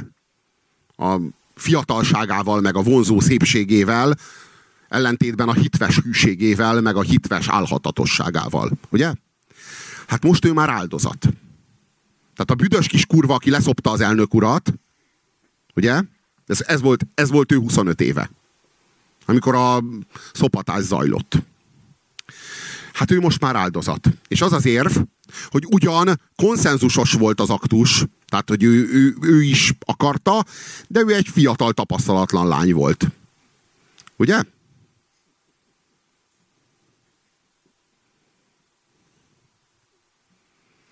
Ugye mi volt annak idején a, a vád a Clintonnal kapcsolatban? A Bill Clintonnal kapcsolatban? A Bill Clintonnal, aki a politikai korrektség első hullámának a, az atya volt, és a vezér alakja volt. Ő volt maga a PC elnök. Ő volt a PC első ö, fejedelme az ovális irodában. Ő, ő belőle ebből a Clintonból áradt ki a PC először a világra. Az volt a vád, hogy hazudott, ugye? Egyrészt megcsalta Hillary-t, másrészt pedig hazudott erről, mert azt hazudta, hogy hát őt már pedig nem szopta le a Lewinsky, de aztán a Lewinsky tudott szolgáltatni mintát. Genetikai mintát. És így bebizonyosodott, hogy az elnök hazudott. És ez volt a bizalmi botránynak az alapja. Hogy az elnök hivatalhoz ez méltatlan. Meg az elnök, az elnök személyéhez ez méltatlan. Hát most már nem ez a vád. Most az, hogy erőszakolt. És a Lewinsky most körbe mítúzza az amerikai baloldalnak a média fellegvárait, az összes tévéstúdiót, és előadja, hogy ő neki gajra ment az élete. Hát attól, az, attól hogy leszopta az elnököt.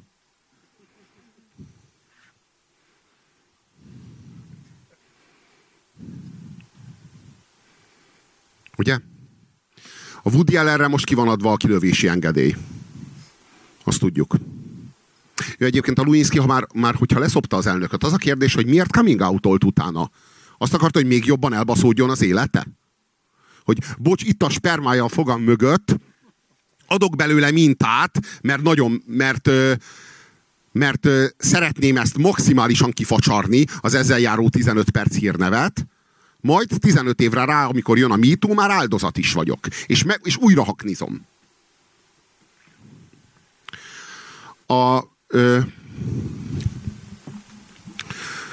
van egy ö, mm, ö, Marian Hemingway, azt hiszem így hívják a csajt, aki a, aki a Woody Allennel közös filmben szerepelt. Ugye ö, ugye a, a Woody Allen ö, Mariel Hemingwaynek hívják. A Manhattan című filmben 18 éves korában a Woody Allen partnere volt, és volt egy csók jelenetük.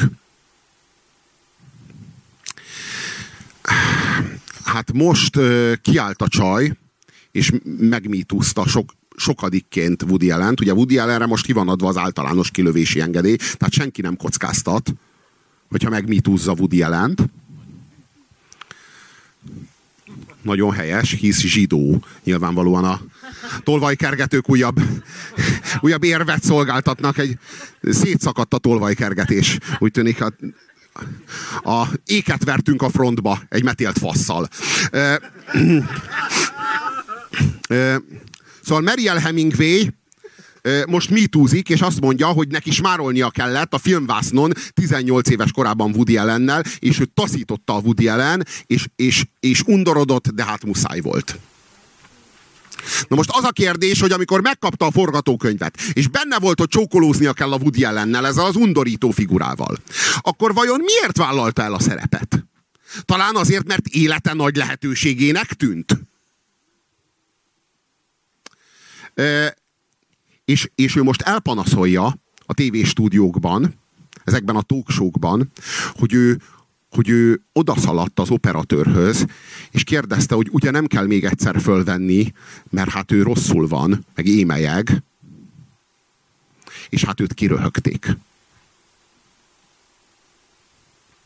Na most csak az a kérdés, hogyha Mariel Hemingway 18 évesen ennyire megsérült attól, hogy smárolnia kellett a Woody Allennel a Manhattan című filmben, akkor vajon miért játszott 36 évesen az agyament Harryben újra Woody Allennel? Hogy vállalhatta ezt el? Hogyha a Woody Allennel való smárolás 18 éves korában gajra tette a pszichoszexuális fejlődését? Hogy a faszba vállalhatta el 36 évesen újra a Woody Allen mellett az, hogy szerepeljen az agyament Harryben. Most már mindenki mindent mer. Tehát most a Woody Allennel szemben már minden játszik. Mindenki mindent. És ilyen hatalmas élvezettel ö, ö, lövik ki, és, ö, és vadásszák le ezeket a nagy tekintélyű zsidókat Hollywoodban. Ugye? Hogy eddig arról volt szó, hogy hát az, hogy így valaki zsidó Hollywoodban, az hát így jelentette egy bizonyos védettséget. És most a, a gender szekta az ilyen, ilyen kélyes orgazmusok közepette ünnepli, hogy ez nincs többé így. Weinstein, hmm, Woody Allen, Dustin Hoffman, hmm. Ugye? Az, hogy zsidó vagy, többé nem véd meg semmitől. Hisz férfi vagy. Ugye?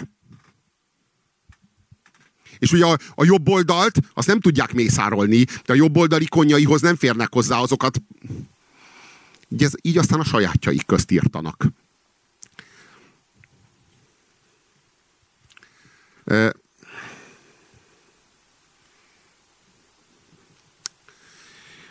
Magyarországon is a baloldalnak a kulturális ikonjait szedik le egymás után. Ugye a Marton László egy balos kulturális ikon. Ugye Havas Henrik egy balos kulturális ikon. Az országot is minősíti ez a tény, de igaz. ugye a, a Szikora János egy balos kulturális ikon. A jobb oldal az pedig megigazul ebben a kulturális, ebben a szexuális ellenforradalomban. Ugye ők mindig is mondták, hogy ez a, ez a szexuális forradalom, meg ez a szabadosság, hát ez, Hát, hogy így bárkit ezek össze-vissza mindenkivel basznak, és sehol az értékek, meg a keresztény értékek. Ugye?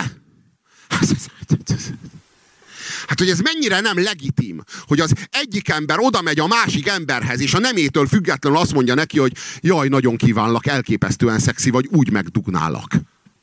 Hát ez mennyire nem valid ez a mondás, ugye? Mire a szexuális forradalom azt mondta, hogy ez valid. Ez szuper valid. És mindenki jobbról várta a szexuális ellenforradalmat, és balról jött. És mit állít a szintén San Franciscóból kirajzó szexuális ellenforradalom? Csak úgy, mint a szexuális forradalom 68-ban San Franciscóból. Azt állítja, hogy ez a mondás ez többé nem ér. Ez a, ez a mondás, ez a strukturális erőszaknak a megnyilvánulása. A, férfi, a, a nőnek a férfi által való elnyomatásának a szólama ez. Na most a jobb oldal most így csak, csak egy kávét kér, és azt mondja, hogy hát én szóltam. Én végigmondtam. Ugye?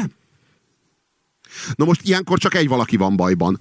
Azok, akik úgy tényleg liberálisok, és tényleg azt gondolják, hogy ez a mondás igenis valid. Bassza meg. Akik elhitték 68-at. Mondjuk én. Meg a Louis C.K.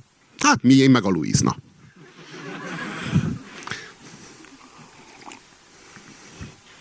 Mm.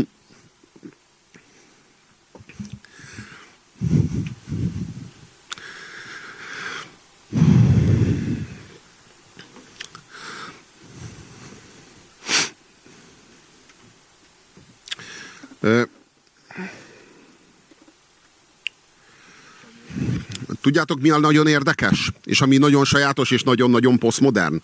Minden ízében posztmodern. Büszke megvallása annak, hogy a másiknak a stílusa, vagy a tónusa, vagy az öltözködése, az zavar. Ezért te odébb mész, mert erre nem vagy kíváncsi, és elkapcsolsz. Ugye? Tehát, hogy így nem is érdekel, és büszkén nem érdekel, hogy miről beszél. Büszkén nem érdekel, hogy mit mond. Hanem te, te egy fogyasztó vagy, akit a fogyasztói élményében a másiknak a viselkedése, vagy a, a beszédstílusa, vagy a hanghordozása, az így zavar. És ezt te ilyen büszkén így megvallod, hogy te, téged a fogyasztásodban, már ahogyan fogyasztod ezt az élményt, így a másik embert, ez, ez, ez, ez, ez nem, ez a te fogyasztói kosaradból, ez kikéreckedik ez az ember. Ezzel az öltözékkel, meg ezzel a viselkedéssel. És ezt így megvallod így a környezetednek. Hogy így a másik emberre úgy tekintesz, mint az autódnak egy ilyen extrájára. Vagy úgy, mint egy ilyen lakberendezési tárgyra. Hogy az egyik ember a másik ember számára, és a másik ember szemében egy lakberendezési tárgy. És a fogyasztó ilyen öntudattal megvallja, hogy ő neki erre nincsen szüksége, és ő ezt elkapcsolja. Ugye? Semmi szüksége erre. Ez őt sérti a fogyasztói élményben. A fogyasztói kosarát ez felsérti. Ugye a másik ember az, az nem egy autonóm világ, akinek a világa a te világoddal adott esetben ütközik, adott esetben harmonizál, adott esetben az egyik a másikat gazdagítja, vagy orientálja, új szempontokhoz segíti. Nem. A másik ember a te kellemes közérzetedet szolgálja. És ha nem szolgálja jól, akkor te ilyen jogosan fel, fel, felfakadsz. Hogy,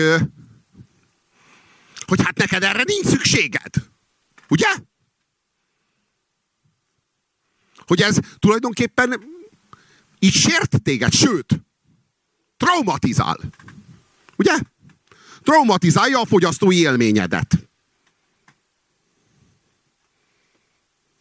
Tehát nem a te közlésednek az igazságtartalmáról folyik a diskurzus, hanem arról, hogy milyen energiákkal mondtad. Hogy jó-e hallgatni. Jó érzése ezt hallgatni. És ha nem jó érzés hallgatni, akkor te ilyen öntudatosan megvallod, hogy te neked ezt nem kötelességet hallgatni. Te egyáltalán semmi dolgod nincs azzal, amit a másik mond. És büszkén nincs semmi dolgod. És föl sem vetődik, hogy esetleg arra kéne reagálnod, amit a másik mond, mert esetleg azzal kéne vitatkoznod, vagy befognod a kibaszott pofádat. Nem!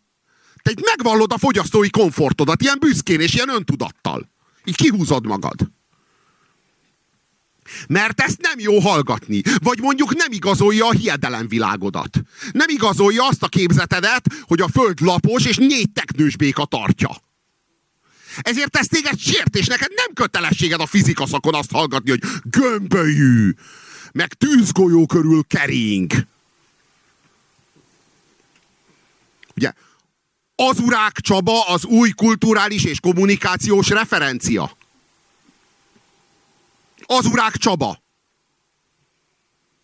A semmilyen ember. Légy semmilyen. A jelenléted ne sértsen senkit. Ez már nem like vadászat, ez már dislike fóbia. Arról van szó, hogy csak ne diszlájkoljanak. Csak kerüljük el a diszlájkokat. Na, az urák Csaba kurva élet, hogy elkerüli a diszlájkokat. Ő senkit nem sért. Hiszen soha életében nem mondott még semmit. És mindig nagyon-nagyon jól fésült. És mindig elképesztően elegáns, és mindig nagyon kifinomultan semmilyen. Légy semmilyen.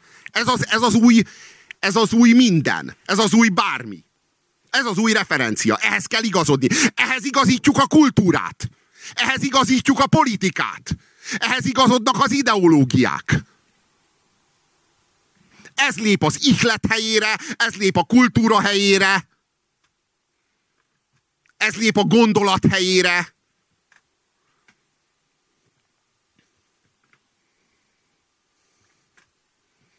És én írtam egy posztot a Karácsony Gergelyről a Facebookra.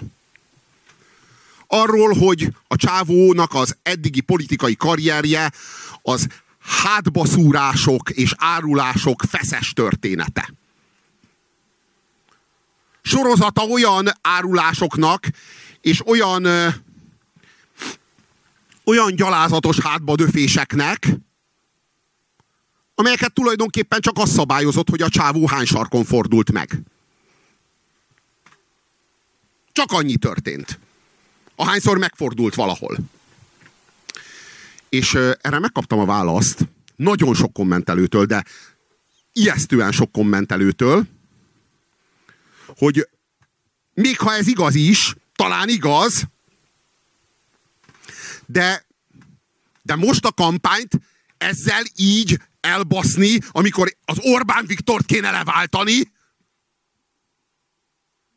és ezt tömegesen kaptam, tehát tömegesen megvallották, hogy én most, most miért mondom el az igazat? Amikor ezt a kurva jó hazugság konstrukciót most egy csomóan elhitték. Miközben Karácsony Gergely éppen csődbe készül vinni az országot. Ugye? Amiközben Karácsony Gergely megígérja mindent. A mindent. Hogy értem, hogy a mindent? Úgy értem, hogy megígéri az alapjövedelmet, megígéri a 13. havi nyugdíjat, megígéri az ingyen gyógyszert a nyugdíjasoknak, megígéri az ingyen víz, gáz, áram, szolgáltatás legalább két-három millió embernek, akiknek probléma befizetni a sárga csekket.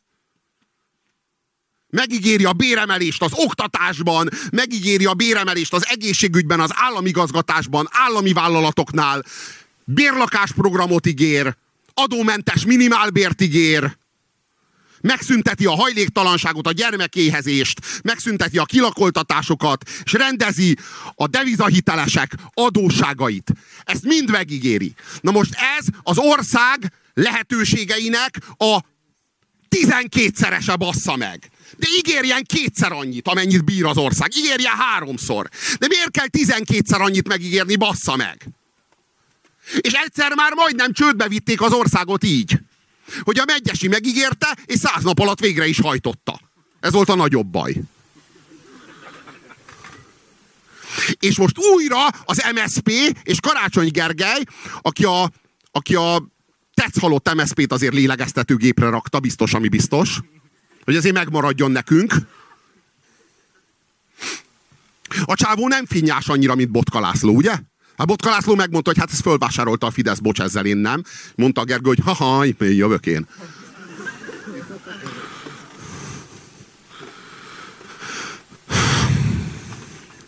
Ugye, és én, és én leírtam, hogy, hogy hát ez hazugság. De annyira, de hogy nem, nem, egy, nem egy ártalmatlan hazugság, hanem egy kurva veszélyes hazugság. És ráadásul egy mocskos erkölcstelen dolog. A, vála, a választókat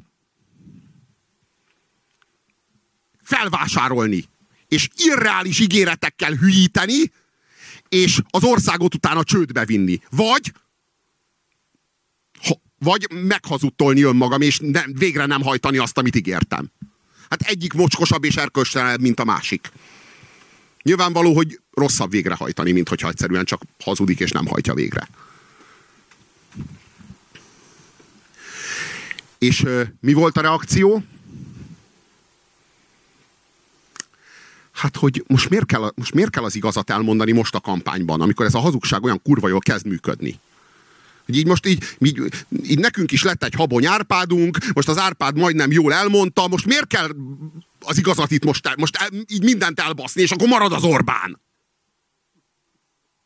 De tényleg arról van szó, hogy azzal, amit mondtam, sértek egy hazugságkonstrukciót. És hát miért? Hát hogy tehetem ezt? Hát most nem az a cél, hogy leváltsuk az Orbánt? Tehát azért minden áron? Hát mondjuk azon az áron ne váltsuk le az Orbánt, hogy Magyarországból Venezuela legyen. A picsába. Hát azért, azért világos, hogy le akarjuk váltani az Orbán, de hát azért bassza meg, azért csak van rosszabb, mint az Orbán. Vagy ha nincs, akkor nem is értem, miért nem költöznek ezek az emberek Venezuelába, ahol nincs elektromos áram. És egyáltalán nincs közbiztonság. Hát ott, ott nincs Orbán Viktor, ugye?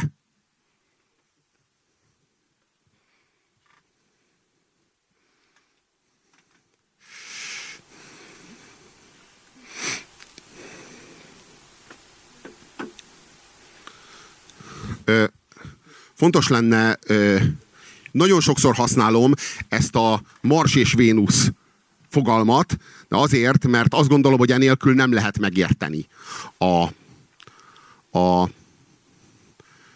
a feminizmusnak a, a fő motivumát és a fő, a tévedésének a fő faktorait.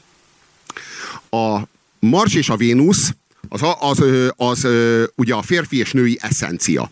Ez azt jelenti, hogy a férfi meg a nő az nem tiszta Mars és nem tiszta Vénusz. Persze nyilvánvalóan van olyan férfi, aki száz százalékig Mars, és van olyan nő, aki száz százalékig Vénusz, de ezek már istenek, ezek már nem emberek. Mi emberek ilyen kevert lények vagyunk, mindegyikünkben van valamennyi Mars, valamennyi Vénusz. Az a férfi, akiben mondjuk 70 százaléka Vénusz és 30% a Mars, az úgy nagyon nagy, nagyon nagy eséllyel meleg.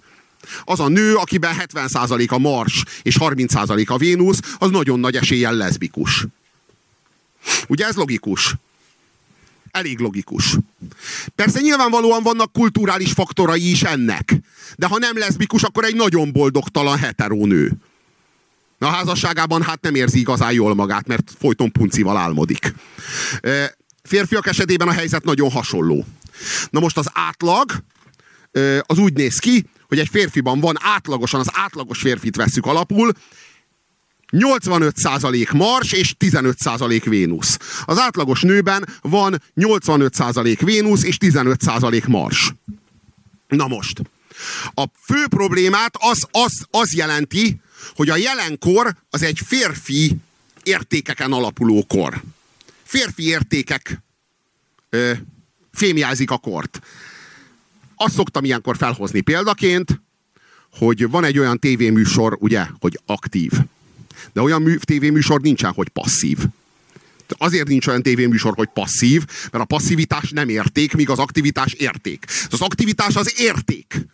Ugye? Az aktivitás, hát a, a világ arra való, hogy formáljuk. Hogy átformáljuk.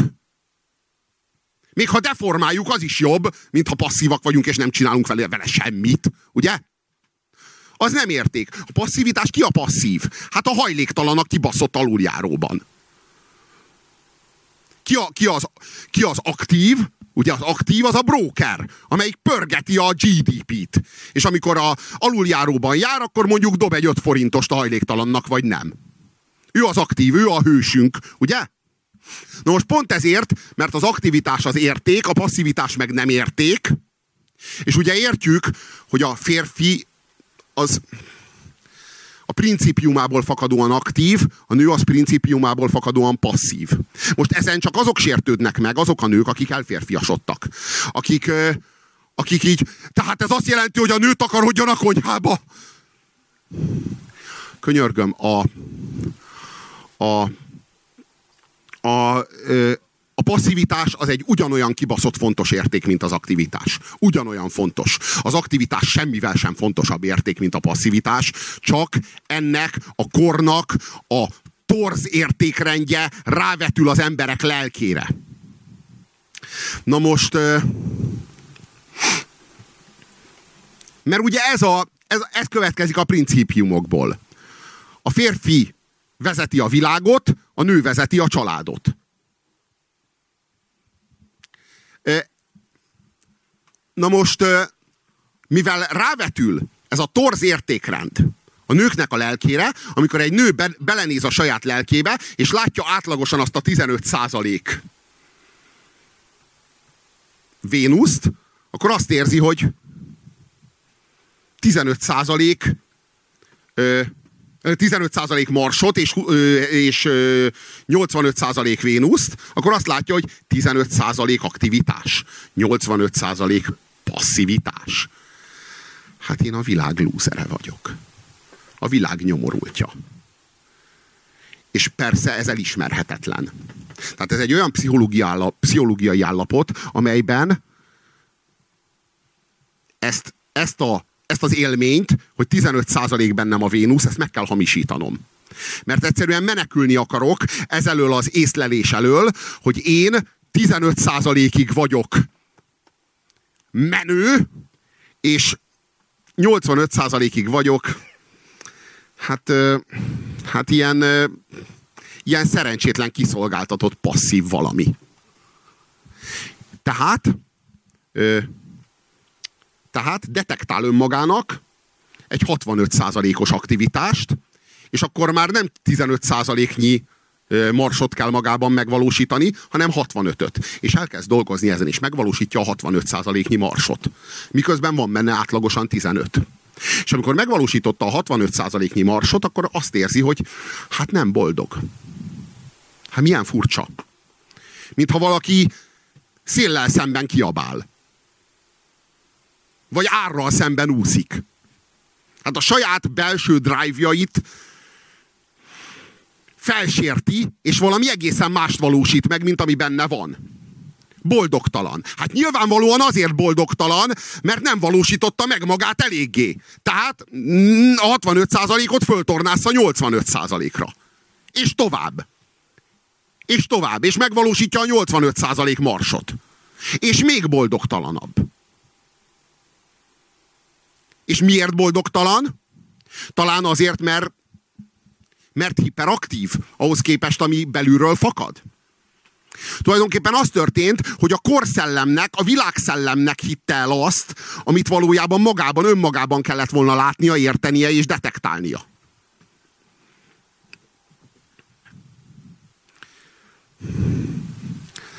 Csak, csak tudod, ahhoz, hogy ezt értsd, és a maga helyén tud látni, és a maga helyén tud érteni, ahhoz kell egy új értékszemlélet egy, egy kevésbé torz, egy hiteles értékszemlélet. Hm. Ez az, ami hiányzik. Mondjuk az kéne, hogy a magad passzivitásában meglásd az értéket. És ne azt lásd, hogy ezt tesz engem áldozattá. Ez szolgáltat ki a férfi erőszaknak. Hanem azt lásd benne, hogy ez a principiumom, ezt, ezt tudom megvalósítani, és ezáltal ebben tudok kiteljesedni, és mondjuk boldog lenni. Adott esetben. És szó nincs arról, hogyha egy nőben 85% mars van, azt ne valósítsa meg. Valósítsa meg. A mars, ami benned van, arra való, hogy megvalósítsd. Megműveld és megvalósítsd. A Vénusz, ami benned van, szintén arra való, hogy megműveld és megvalósítsd.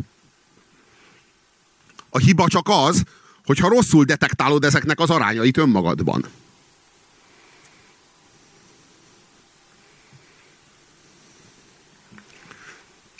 És hát ez elég általános tünet.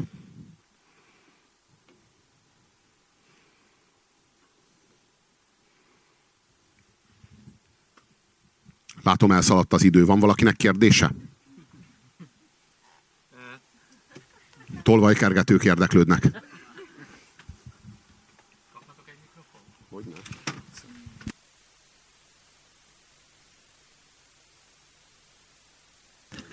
Haló. Szóval beszélt itt az áldozatiságról, meg hogy, hogy az, a két nagy új ideológia az az iszlám, meg itt a gender, ami itt, itt áramlik, és ez a két pólus van. Na most én arra gondoltam, hogy a, itt a Közép-Európában a, az itteni népek a kommunizmust és a faszi, fasizmust is áldozatként élték meg. És hogy van egy ilyen áldozattudat itt a közép-európai népekben, egy áldozatiság tudat, és nem lehet, hogy ez, ez az áldozatiság tudat valamennyire ellen tud tartani a gender és az iszlám beáramlásának, mert úgy élik meg, mint egy ilyen kívülről rájuk oktrojálni szándékozott valami idegen dolgot ahogy a kommunizmust és a fasizmust is megélték. És már megnézed most Lengyelországban is ugye, törvényt hoznak arról, hogy hogy nem lehet olyat kijelenteni, hogy Lengyelország vagy a lengyel nép az, az bűnös volt a holokausztban. Mert a Lengyelország is teljes mértékben csak áldozat volt.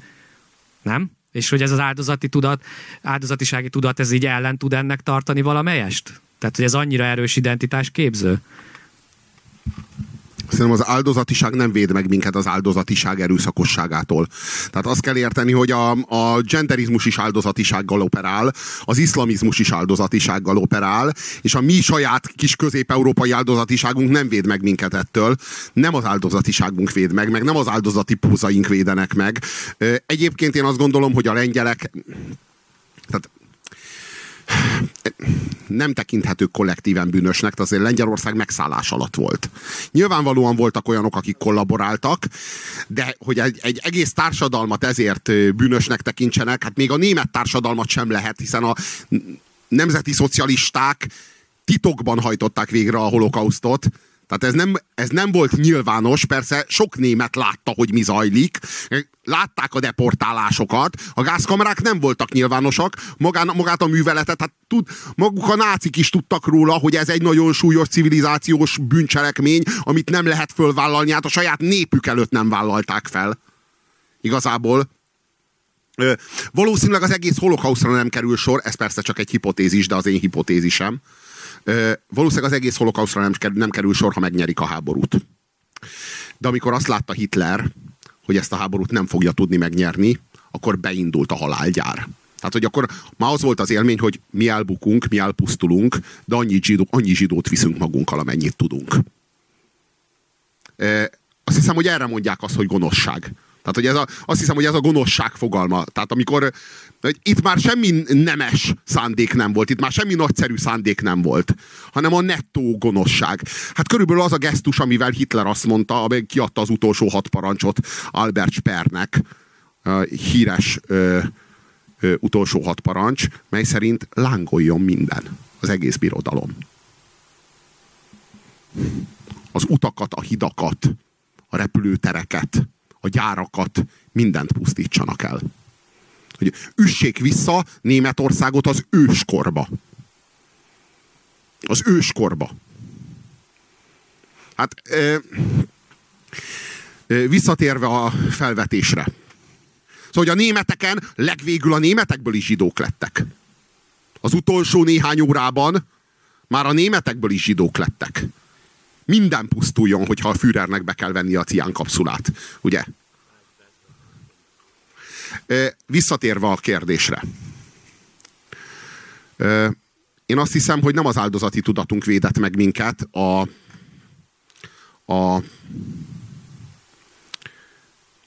a multikulturalizmustól, vagy a multikulturalizmusnak a, vagy hát az, az iszlám megszállástól, fogalmazhatunk akár így is, hanem a vasfüggöny meg a relatíve rosszabb életszínvonalunk. Ugye? Ők nem ide akartak bevándorolni, és még egy darabig nem ide akarnak majd bevándorolni, legfeljebb átvándorolni. Tehát ők, ők továbbra is továbbra is Németor, Ausztriába, német, onnan Németországba, onnan Norvégiába akarnak. Tehát, hogy ők, ők, a, ők a jobb, jobb, jobb és jobb és jobbnál jobb életszínvonalat ö, ostromolják. Miközben, hát nálunk azért néhány ö, ö, választást azért meg tudnak nyerni a Fidesznek. Azért ennyi szolgálatot elvégeznek, miközben a kis batyúikkal így áthaladnak az országon. Ö, fontos, hogy nem ezekkel az emberekkel van a baj. Nem ezekkel az emberekkel. Hanem azzal a kultúrával, azzal a rendkívüli intoleráns, fundamentalista iszlámmal, ami búvópatakként van jelen, és ha ők nem is fundamentalisták, a gyermekeikben és az unokáikban másod vagy harmad generációban felüti a fejét az iszlamizmus. Ahogyan ezt Nyugat-Európában kipróbálták, az első nemzedékben írmagva sem volt, és a gyermekeikben, meg az unokáikban felszíre tört a búvó, búvópatak. És, és, és a, az iszlám állam harcosai, meg, a, meg a, az iszlám testvériség fundamentalista harcosai lettek belőlük. Így most Nyugat-Európa egy olyan helyzet előtt áll, amikor Európai Uniós állampolgárok mészárolnak Európai Uniós állampolgárokat. Ezt a helyzetet már rohadt nehéz, nehezen lehet kezelni. szeretném hangsúlyozni, hogy ez nem egy etnikai probléma. Ez egy kulturális probléma.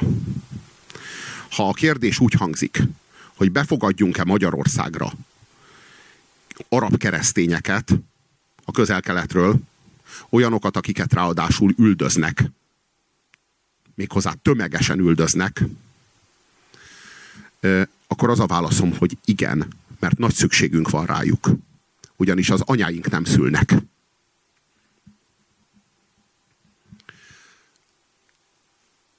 És én óvaintek mindenkit attól, hogy itt egy etnikai problémát lásson.